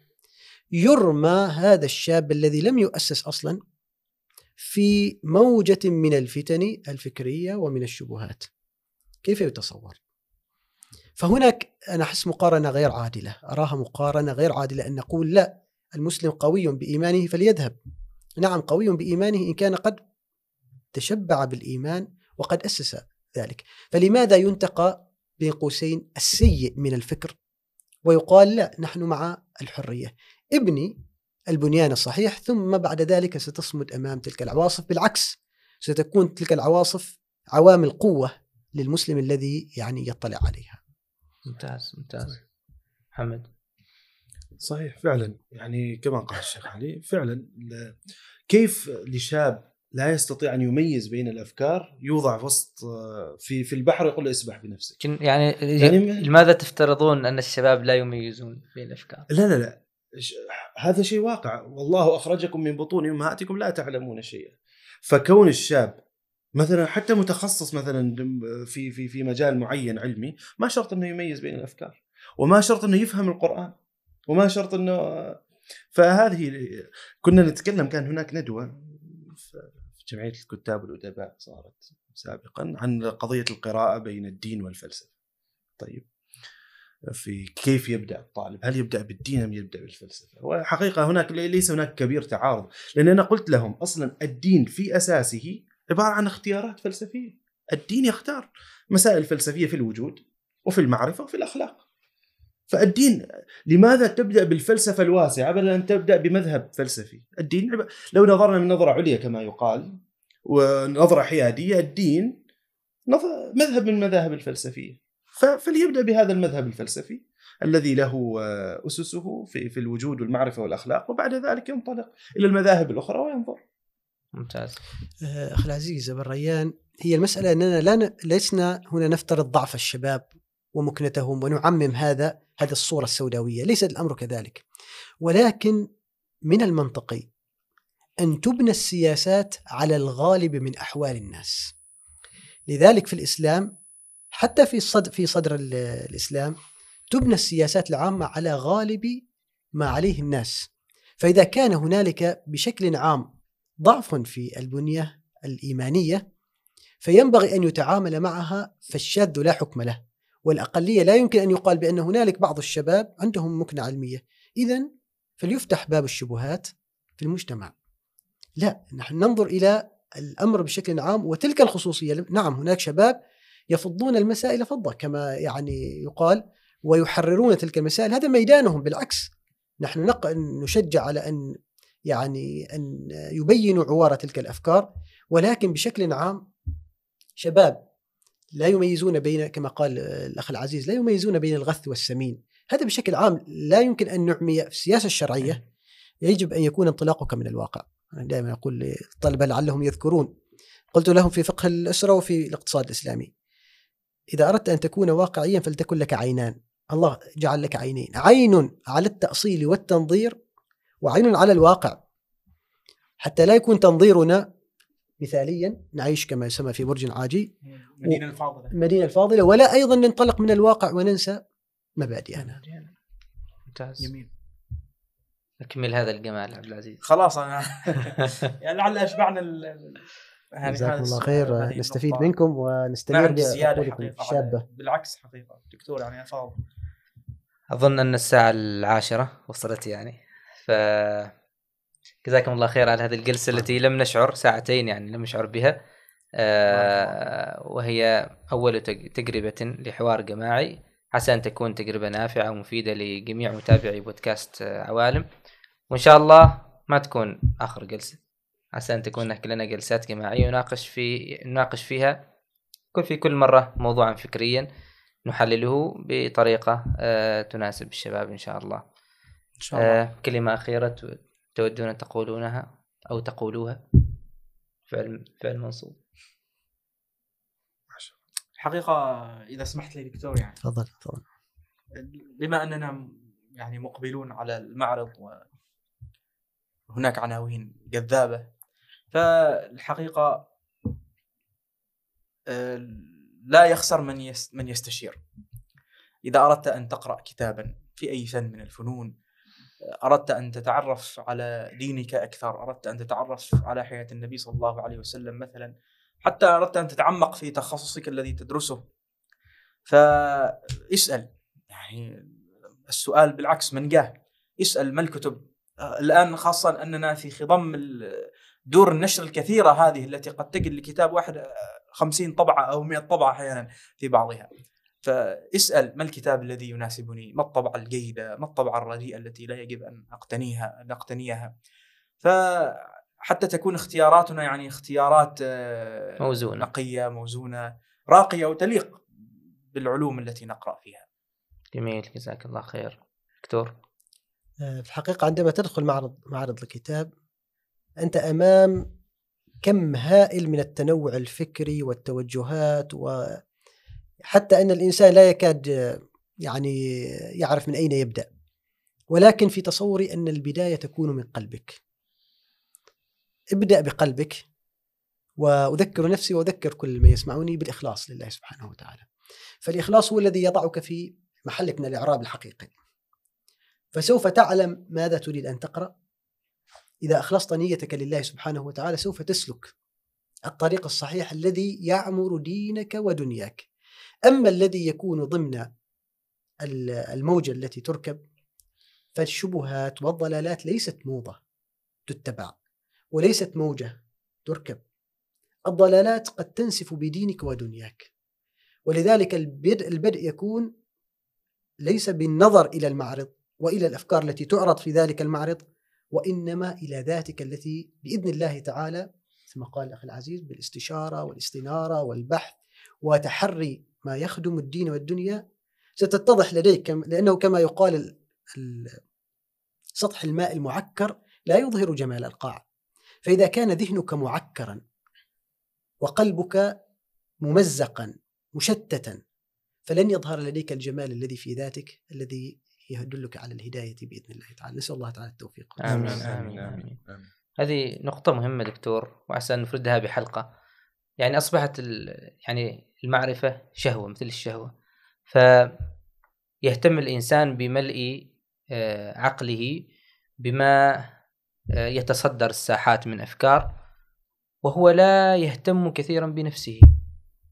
فتجده ربما أكثر الناس قراءة في المجال الفكري وفي مجال الفلاسفة ويتحدث عن التنظيرات الدينية وكذا لكنه لا يهتم بمحافظة على صلواته ليس عنده ورد من القرآن يومي وليس عنده اهتمام بصلة الرحم ليس عنده اهتمام بالعمل ولذلك دائما في.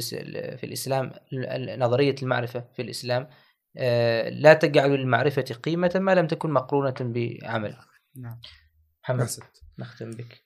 حقيقة كان دائما ألتفت لنقطة سبحان الله في سير العلماء أو في سي في قصص الكتب أن كثير من الكتب الدينية القيمة في الدين وفي الفقه لم تكتمل. وكأن الله سبحانه وتعالى يقول يقول لنا أن حتى في مجال الدين الدين لن يتوقف عليك أيها الإنسان أيها العالم. الدين سيبقى بعدك.